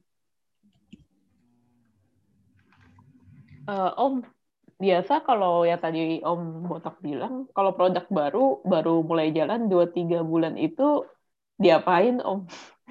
Biasanya. Iklan saya. Boncos nggak? Boncos. Boncos Oh, banget. boncos di awal dulu gitu ya? Om? iya boncos lah. Ya Emang tapi sama saya, aja. Om. mau fake order juga? Ya bisa mau fake order ya. Kan kita perlu duit juga. Sama lah ya. Atau kita udah kasih ke follower aja yang memang ini. Beli dong saya kasih voucher khusus untuk produk ini misalnya. Tapi saya nggak nggak ada waktu ngelakuin gitu. Udah nah produk baru upload aja. Lama-lama juga laku sendiri. Nah enaknya kalau kita udah punya RM ya udah punya RM atau memang tokonya udah di manage sama ada orang Shopee orang Topet kan mereka suka ada slot tuh. Nah, slot flash sale kasih produk-produk yang baru masukin ke sana. Jadi apa? Dapat iklan, dapat traffic, traffic pas flash sale dan segala macam. Itu enaknya kalau udah punya RM. Caranya gimana Om? Punya RM. Jadi yang terlaris dalam kategorimu.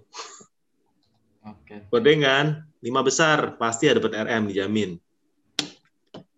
Kalau nggak dapat RM, berarti uh, tokonya bermasalah. Mungkin tokonya jual barang KW, Apa itu tokonya RM? Om? barang bre- eh, BM, tokonya ada ada kasus lah, menurut saya. Tapi kalau tokonya jualan barang yang legal, resmi, terus eh, star seller, eh, penjualannya di kategori itu bagus. Kita ngomongin kategori yang saya nggak tahu kategori apa, misalnya ya fashion ya. Fashion pasti nggak bukan lima besar lah, sampai berapa puluh besar juga pasti mas- masih masuk kok. Itu Tapi- kalau Shopee ya Om. Iya, Kalau yang lain ada RM nggak sih Om? ada Tokped juga ada RM, mau star ada. seller, star seller RM, juga ada RM RM. itu apa ya Om? RM. RM tuh RM itu relationship manager. Eh, ya gitulah. Jadi kalau kita ke bank, marketingnya lah gitu. Marketing yang Oh yang nawarin di BA itu. Hah? Marketingnya Shopee gitu Om maksudnya. kurang lebih lah marketing. Ya, Oh, yang nawar-nawar. nawarin produknya Shopee, yang bantu kita kalau ada masalah CS-nya. Jadi oh. RM kurang lebih gitu. Kadang saya suka ditawarin, kemarin tuh ditawarin Bukalapak buat masukin barang ke Bukalapak gitu. Itu termasuk RM juga ya Om ya? Enggak, itu biasanya mereka BD. BD Business Development. Jadi cari customer baru itu. Oh, tapi toko kita nggak di manage sama mereka gitu. Enggak. Begitu udah on board Bukalapak dilepas. Buka cabang aja dia banyak-banyak ya. Ya, target selesai kalau buat BD. Tapi RM yang maintain supaya tokonya gede. Nah, toko ada RM pun sebenarnya nggak jaminan toko kita rame. Karena RM itu tugasnya banyak. Biasanya satu RM itu bisa sampai 75 toko kayaknya. Hmm. Ya, jadi kontak pun juga belum tentu kalau RM yang nggak fast respon belum tentu dibalasnya cepat. Gimana Iya. Om caranya biar dapat RM gitu? Salesnya banyakin itu aja kuncinya. Jadi top seller lah. Ya, jadi top seller ya. Kamu kalau udah top seller pasti ada RM. Ya, dicari bahkan. Apalagi kalau kita jual barang yang memang lagi hot banget, cuma kita yang punya, uh, udah pasti dapat RM. Oh itu Om eh, minimal Ya. berapa orderan per bulan dia dapat RM? Nggak ada pastinya, karena setiap kategori beda-beda. Om. Kita ngomongin hijab misalnya ya, sama jualan buku. Ya, jualan buku itu nggak usah banyak-banyak udah ada RM, karena yang jual sedikit. Ya, jadi nggak nggak tergantung apa paketnya berapa dan lain-lain. Ya, jadi yang spesifik aja. eh, pilih target kategori kita mau apa. Kalau di Shopee kan eh, buat star seller sama star plus itu apa sih? Ada banyak potongannya juga kan? Wajib nggak sih kita ikut itu gitu loh. Soalnya toko saya emang saya nggak ikutin gitu loh, star seller. Karena emang tipis banget marginnya gitu kalau saya tetap ikutin itu. Menurut saya ya, tapi kan ini gayanya saya, ya kan. Belum tentu apa ini. Saya tuh mendingan margin star sellernya berapa, saya masukin ke harga produk. Margin iklan berapa, saya masukin ke harga produk. Terus saya jualan dengan cara kayak gitu. Memang eh, mungkin jumlah paketnya tuh nggak bisa sama sama yang jualan murah mungkin. Tapi saya tuh eh, makin ke sini tuh makin menyadari ya harga murah itu bukan jaminan kamu dapat traffic paling banyak sekarang karena dari marketplace-nya sendiri akan kasih traffic ke orang yang iklan sama orang yang ngambil fitur-fiturnya mereka karena ujung-ujungnya kan mereka maunya profitable juga kan ya jadi semakin kita baik sama mereka semakin traffic itu dibukakan. Ya baiknya gimana? Ya misalnya ada paketan eh, sebelas sebelas, dua belas sebelas, ya ambil paketnya mahal kan kayak gitu-gitu.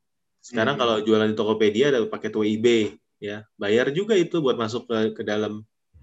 Dibukain nggak Oh. trafficnya? Dibukain. Oke, oke. Ya Om, semua kalau gitu Yang tiga itu juta daftar itu om. ya? Oh ada paket WIB itu ya Om? Gitu ada, daftar om, Ada. ya Allah. Kelewatan om. ada. Tapi 11, 12 ditawarinnya ada. untuk toko-toko yang udah ada RM. Nah, kamu ya belum ada RM. Gimana mau ditawarin? Aku sih dapet notif om. Berarti itu udah ada RM apa belum? Belum ya? Ditawarin waktu di notifnya si Shopee itu ada paket basic apa gitu ya? Tiga basic, tiga harganya ada tiga juta setengah berapa berapa itu ya? Itu kan Oh, yang Shopee ya? Shopee Shopee. Eh, itu sih nggak termasuk. Kalau ngambil gitu rugi menurut saya. Karena paket kalau mau ngambil sekaligus yang mahal. Karena kalau yang murah hampir nggak ada nggak ada bedanya. Sampai tujuh juta setengah itu kan ada yang sampai tujuh juta itu loh. Iya iya iya. Mu- Murah itu om. Tahu gitu ikut kelewatan udah. Buat acara undangannya di bulan 6 kalau nggak salah. Tapi buat acara 12 12 kan jauh Ah, iya, banget. iya, iya, iya, iya. mikir saya juga itu pikir saya gini aduh kok kok apa namanya kok keluar uang segitu banyak pikir saya gitu ternyata tahu om butak ngomong gini ya atau dulu ikut. Eh, jangan jangan bilang mentah-mentah katanya saya lu. Lu ngambil paket nggak nggak balik modal. Nanti, Nah, botak, nanti ya. paketnya nggak nambah gara-gara botak nih. Iya, tuh. Kalau RM kayak gini ya, Nggak- Jadi kalau paketan itu, kalau ngambil juga harus ada hitung-hitungannya. Intinya gitulah ya. Kan ada iming-iming dapat dia iklanku gitu kan biasanya. Ya, apa? Kasih voucher diskon.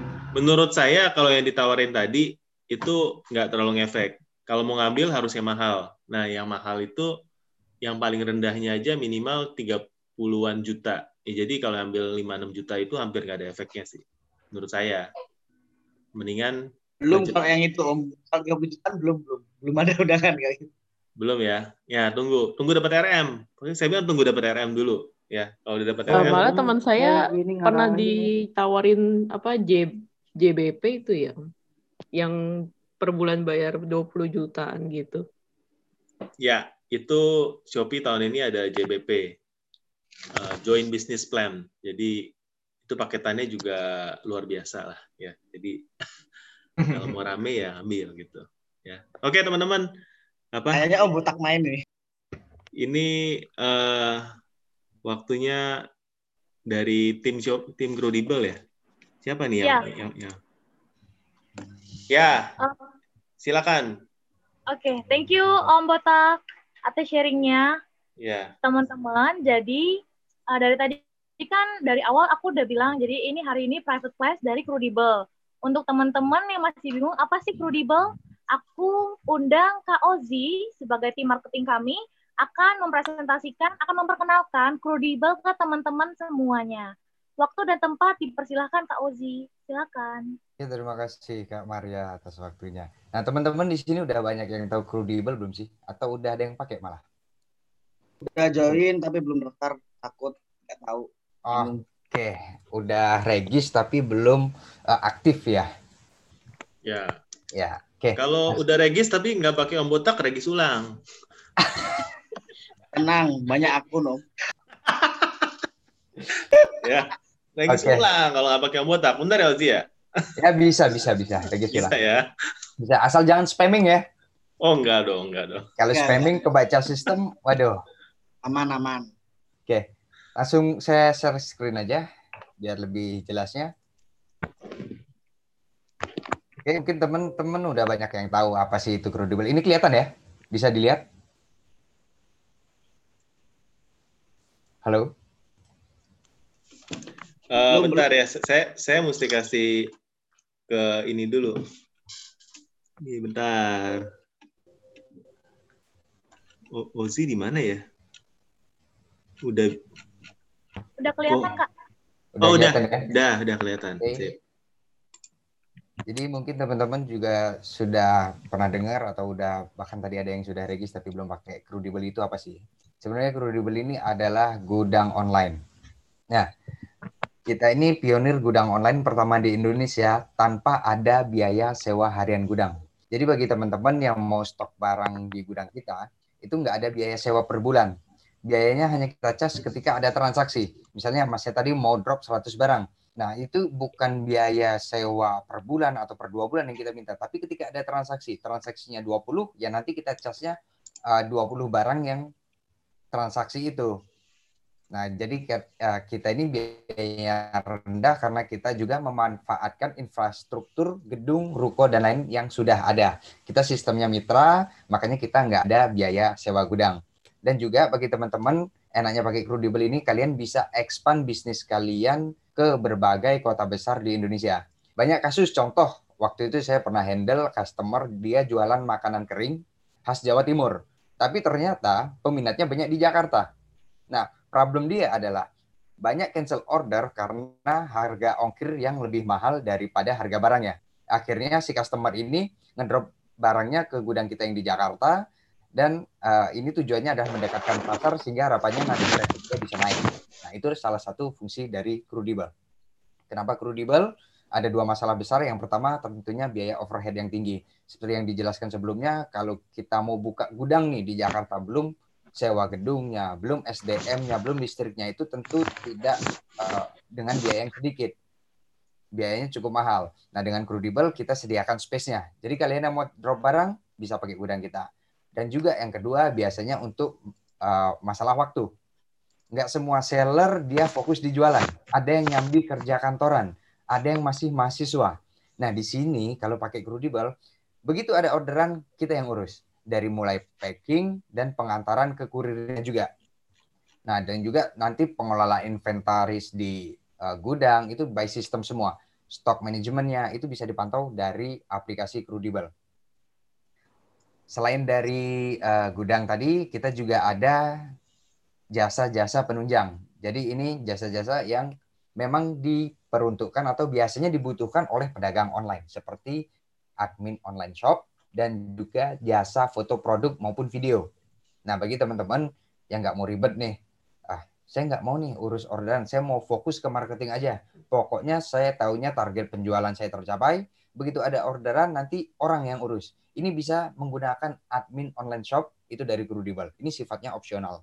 Atau teman-teman mau uh, pengen tampilan toko online-nya itu terlihat profesional, kita juga ada jasa foto produk. Jadi nanti uh, toko online kalian memang original fotonya, bukan nyomot dari Google ataupun nyomot dari pedagang online lainnya. Nah, oke, okay, harga kita terjangkau, setiap gudang memiliki lokasi yang strategis itu pastinya karena memang dari awal perekrutan lokasi kita harus strategis dengan uh, dekat dengan berbagai logistik dan juga uh, mudah diakses. Nah ini sangat menguntungkan bagi para pedagang online karena kaitannya adalah dengan ongkos kirim dan juga dengan kecepatan waktu pengiriman. Nah yang selanjutnya ini adalah uh, e-commerce fulfillment service kita. Ini seperti ini kurang lebih kita ada pengiriman stock seller apa segala macam ini ada eh, fitur-fitur yang ada di aplikasi kita. Oke. Okay? Nah, ini adalah gambaran bagi teman-teman kalau mau stok barang. Jadi, ketika stok barang walaupun teman-teman punya produk yang sejenis ataupun serupa dengan seller lain, jangan khawatir barangnya akan tertukar. Kenapa? Karena kita sudah uh, melakukan pengecekan dan juga ada barcoding, labeling, serta bin allocation, shelving itu sudah lengkap di gudang kita. Jadi ketika barang sudah sampai di gudang, kita akan cek dulu nih, barangnya udah sesuai belum sama SKU yang diinput. Kalau sudah, nanti baru kita kasih number dan juga kita shelving ke rak masing-masing. Jadi nanti pakai scan. Ketika ada orderan, barang mana yang harus di packing, ini seller ini tempatnya barangnya di mana, ini sudah diatur semua dengan sistem kita di gudang. Nah ini kurang lebih flow kerjanya secara garis besar taruh saja barangnya di gudang kita ketika ada orderan kita semua yang urus itu gampangnya nah ayo kita tanya-tanya nih mumpung ada orangnya sebenarnya nah. sih uh, yang membuat menarik crudable itu biayanya ya murah ya betul sekali biayanya Tapi kalau kalau jadi gudangnya sih rugi loh bener Iya, Banyak yang bilang ada yang mau gitu. jadi gudang ini gudangnya dapatnya berapa? Ah, makanya kita juga kadang gimana kalau ada seller yang masih nawar. Ini biayanya udah murah banget. Kita Weh. cuma kenakan 3,5% dengan maksimal 10.000 itu per transaksi loh. Hmm. Itu untuk kategori standar ya. Jadi kategori standar itu kalau barangnya nggak lebih dari 5 kilo dan nggak lebih dari 60 liter serta harganya nggak lebih dari 10 juta itu masuk kategori yang standar. Itu maksimalnya 10.000. 3,5 persen dengan maksimal 10.000. Jadi kita ambil yang terkecil. Kalau ternyata 3,5 persennya di bawah 10.000, itulah yang kita ambil. Di bawah 10.000 ini. Nah, ini ada kategori difficult dan extra difficult juga. Nah, kalau yang difficult ini masih ada satu dua. Kalau extra difficult ini jarang sih, yang maksimal 10.000. Eh, yang maksimal 100.000. Biasanya kalau seller online dia maksimal maksimalnya ini di 50.000. Karena di size biasanya mereka yang lumayan besar. Nah, biasanya Ozik nih kira-kira kenapa seller tuh pakai crudable? Misalnya nih saya seller udah udah stok barang sendiri nih ya. Hmm. Saya tuh pakai crudable tuh buat apa? Buka di toko lain. Eh, bu- bu- buka di kota lain gitu ya biasanya. Hmm. Biasanya yang pertama mereka butuh untuk expand. Mereka Expand. mau ya Nih expand keluar kota. sellernya sellernya lu deh yang sekarang apa pakai crudable. Mm-mm. Yang sukses story-nya tuh sejak pakai crudable gimana gitu. Yang buat expand. Ah, jadi kemarin terakhir ada salah satu seller saya itu dia punya orderan satu hari itu kurang lebih 700 eh 300 orderan per hari. Hmm. Itu mencakup wilayah Jakarta saja. Dia belum bisa ke Kalimantan, dia belum mampu juga ke Sulawesi. Pertama karena stok, kedua juga karena ah, dia kurang SDM. Sedangkan kalau mau buka di sana biayanya lumayan. Tapi ngapain dia yang buka di sana? Emang dia buka di jualan di marketplace atau di on, di sosmed? Marketplace. Dia banyak permintaan ke daerah sana. Dia jualan pedok motor. Hah, apa tuh pedok motor? Ah, apa ya namanya ya? Apa ya? Tadi saya balik. Pedek motor itu kayak Standar buat motor.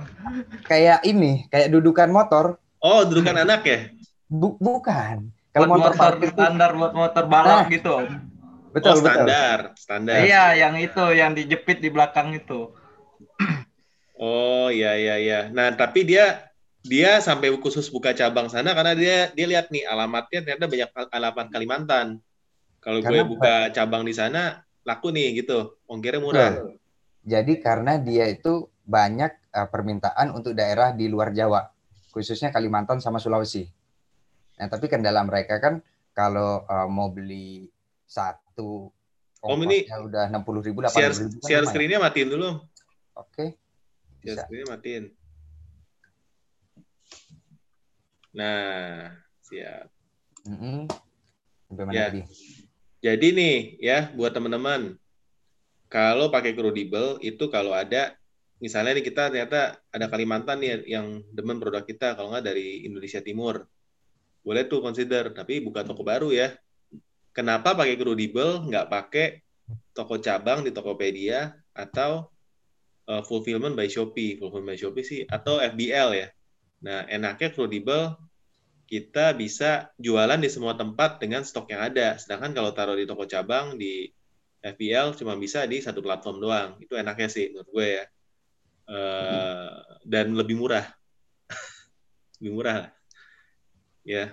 Eh, pokoknya kalau menurut saya sih jadi gudang yang crudable kalau benar-benar tempatnya itu bukan tempat yang nganggur ya, khusus gudang buat crudable rugi loh sebenarnya rugi kalau itu rugi soalnya saya pernah jadi gudang crudable saya tahu ya Benar. Itulah kenapa kalau mau nyalonin gudang juga kita nggak boleh yang uh, baru mau sewa nanti ketika ACC kita bakal sewa itu nggak boleh. Tapi benar-benar tempat yang udah ready, yang udah existing. Karena kita juga nggak bisa uh, menjamin traffic satu bulan sekian sekian sekian. Kita hanya kasih range, tapi kita nggak ada hitam di atas putih. Kita harus menjanjikan Hmm. sih. Biaya kita soalnya murah, kita mainnya recehan. Dan sejak pandemi gimana crudable Kalau semenjak pandemi, pebisnis online memang rata-rata meningkat. Rata-rata Meningkat. meningkat. Baik pelaku bisnisnya ataupun konsumennya. Jadi traffic bisnis online dan yang masuk ke Credible ini cukup tinggi.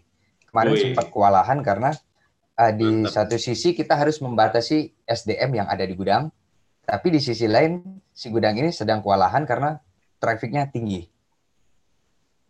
Nah, Wow. itu jadi mantap ya Uh, Ah, ah, jadi sempat agak agak banyak pending order juga karena kita nggak bisa maksain nambah SDM. Itu yang di gudang yang di manage sama Crudable sendiri kan? Ya, rata-rata di Jakarta gudang gudang yang di Jakarta itu kebanjiran orderan sih.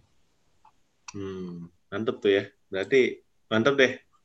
Apa buat jadi buat teman-teman yang pengen expand boleh tuh eh, solusi yang menurut saya sih oke dan yang memang masih part time daripada taruh di rumah Sabtu Minggu nggak bisa nggak bisa Gojek misalnya ya eh, titip aja ya. Bisa.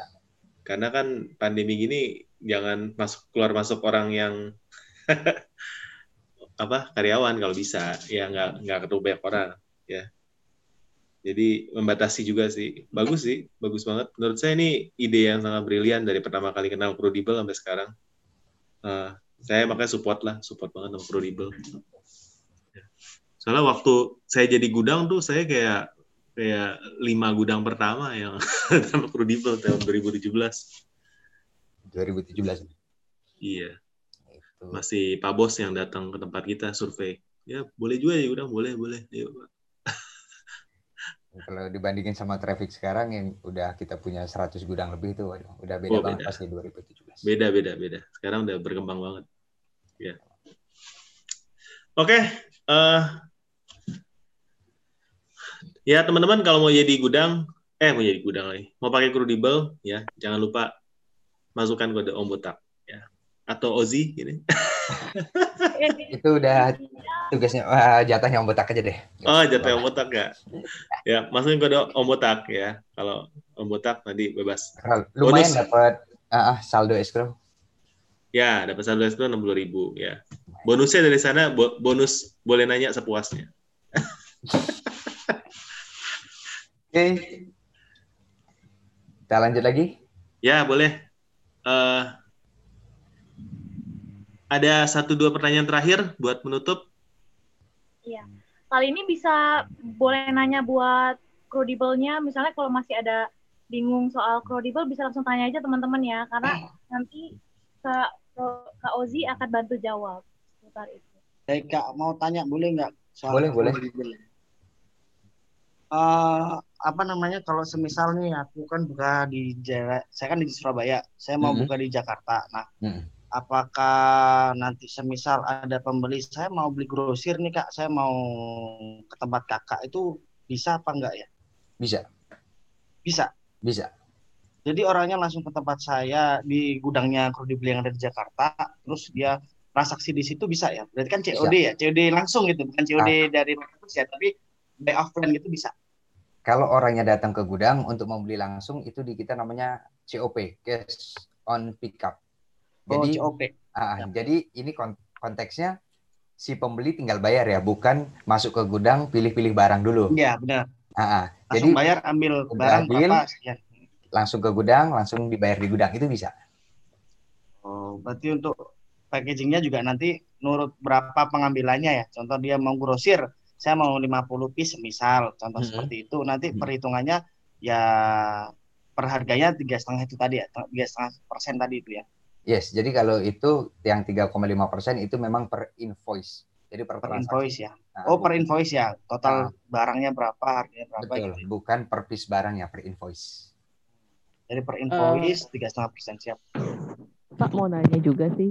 Nah, saya kan di Jakarta, jadi mungkin siapa tahu kalau misalnya mau buka di luar Jawa, eh bis- bo- apakah ada kayak data gitu gak sih kayak yang customer mana yang paling oke gitu luar Jawa gitu? Itu Oh. sebenarnya harus analisa dari tokonya sendiri itu. Betul. Oh gitu. Di Topet misalnya kan ada tuh data pem- dari wawasan Pak toko. Jadi kan Pembelinya misalnya dari mana aja, di gitu. Kalimantan, jadi pembeli yang deket sana lebih terjangkau gitu. Heeh. Setahu saya ya kalau saya analisa toko saya sih eh, dan ngobrol sama teman-teman ya, kalau kita mau jangkau Indonesia Timur, buka toko di Surabaya atau di Makassar. Karena Surabaya tuh kayak gerbangnya Indonesia Timur. Iya, kalau Dan- Surabaya, kata tahu saya cukainya lebih murah gitu. Cukainya. Be- Oh, cukainya. Oh, untuk untuk masuk eh, barang Iya, untuk masuk elektronik ya. import gitu. Nah, itu nggak nggak tahu, tapi eh, kalau punya toko di Surabaya, itu Indonesia Timur belanja lewat Surabaya sampai jauh-jauh dan mereka invoice-nya gede-gede tuh ke Oh iya juga sih, jadi nggak usah jauh-jauh banget buat logistikin barangnya ya. Iya, Kalau buka gudang gimana ya? Di Surabaya. saya eh, buka gudang gimana? Ya tanya Oz, Ozi lah yang di sini tuh. Oh, buka gudang. Itu bisa nanti eh, Tuh. langsung aja sama tim assessmentnya. Tapi kalau mitra gudang kita sifatnya pengajuan ya. Jadi nanti masuk dikasih syarat-syaratnya, nanti kontaknya ada, dikasih syarat-syaratnya apa aja. Kalau memang lolos tahap awal dari persyaratan itu nanti baru di follow up kembali untuk proses selanjutnya. Gitu sih. Soalnya di Surabaya like, jarang gudang kredibel ya. Ada beberapa aja. Dua atau berapa gitu. Ada sekitar tiga atau empat gitu. Belum.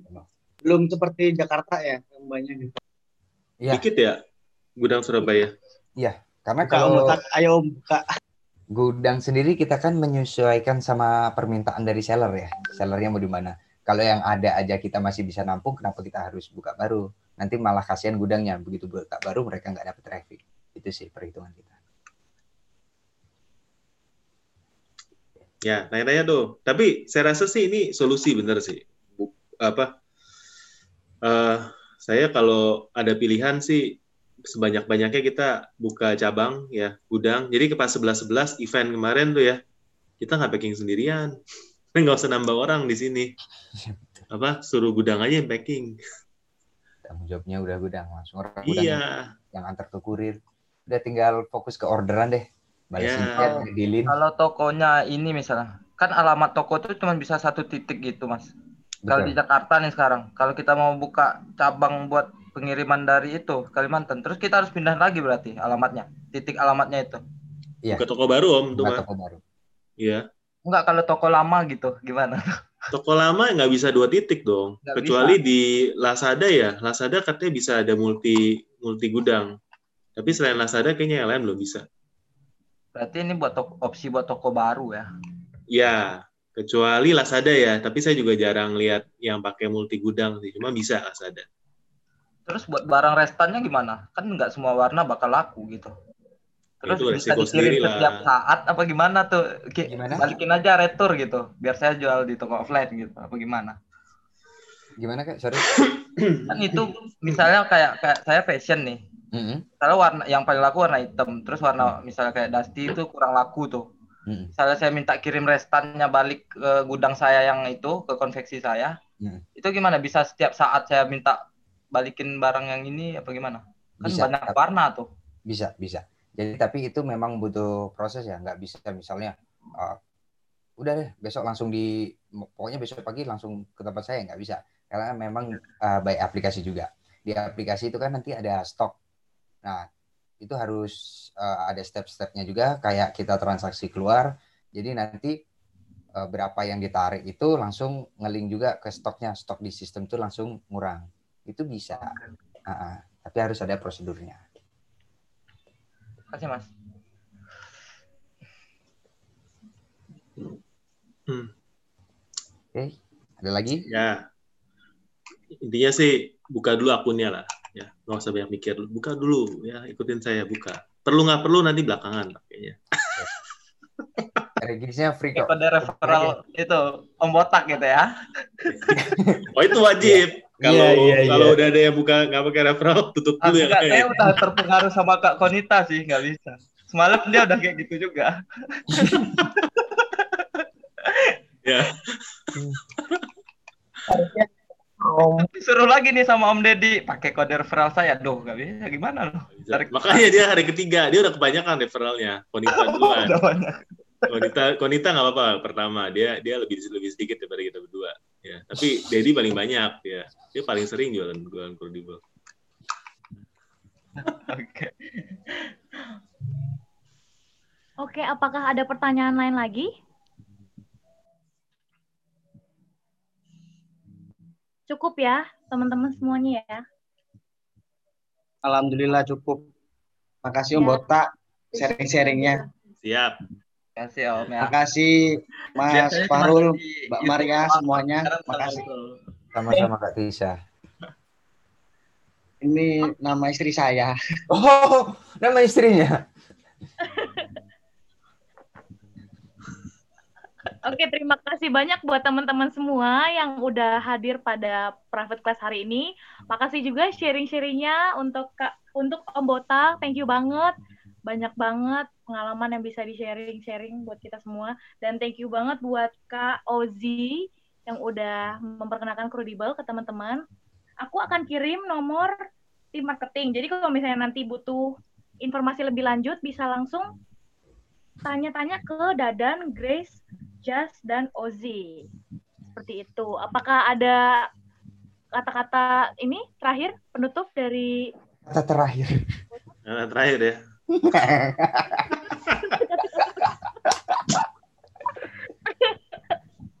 Jagalah kesehatan.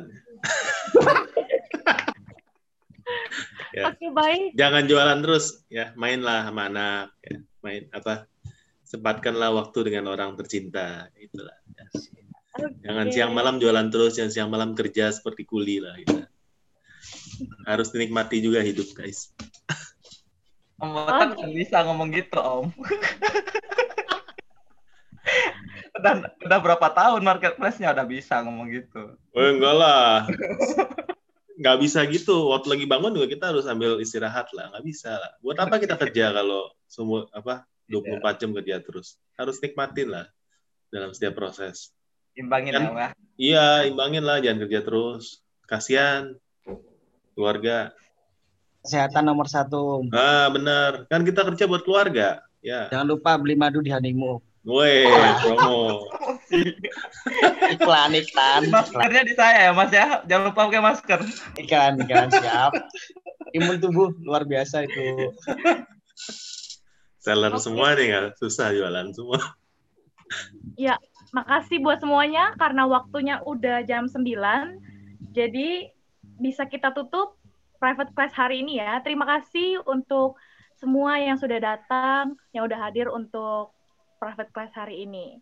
Saya Maria, pamit undur diri. Sampai jumpa di private class selanjutnya. Bye semuanya. Terima kasih.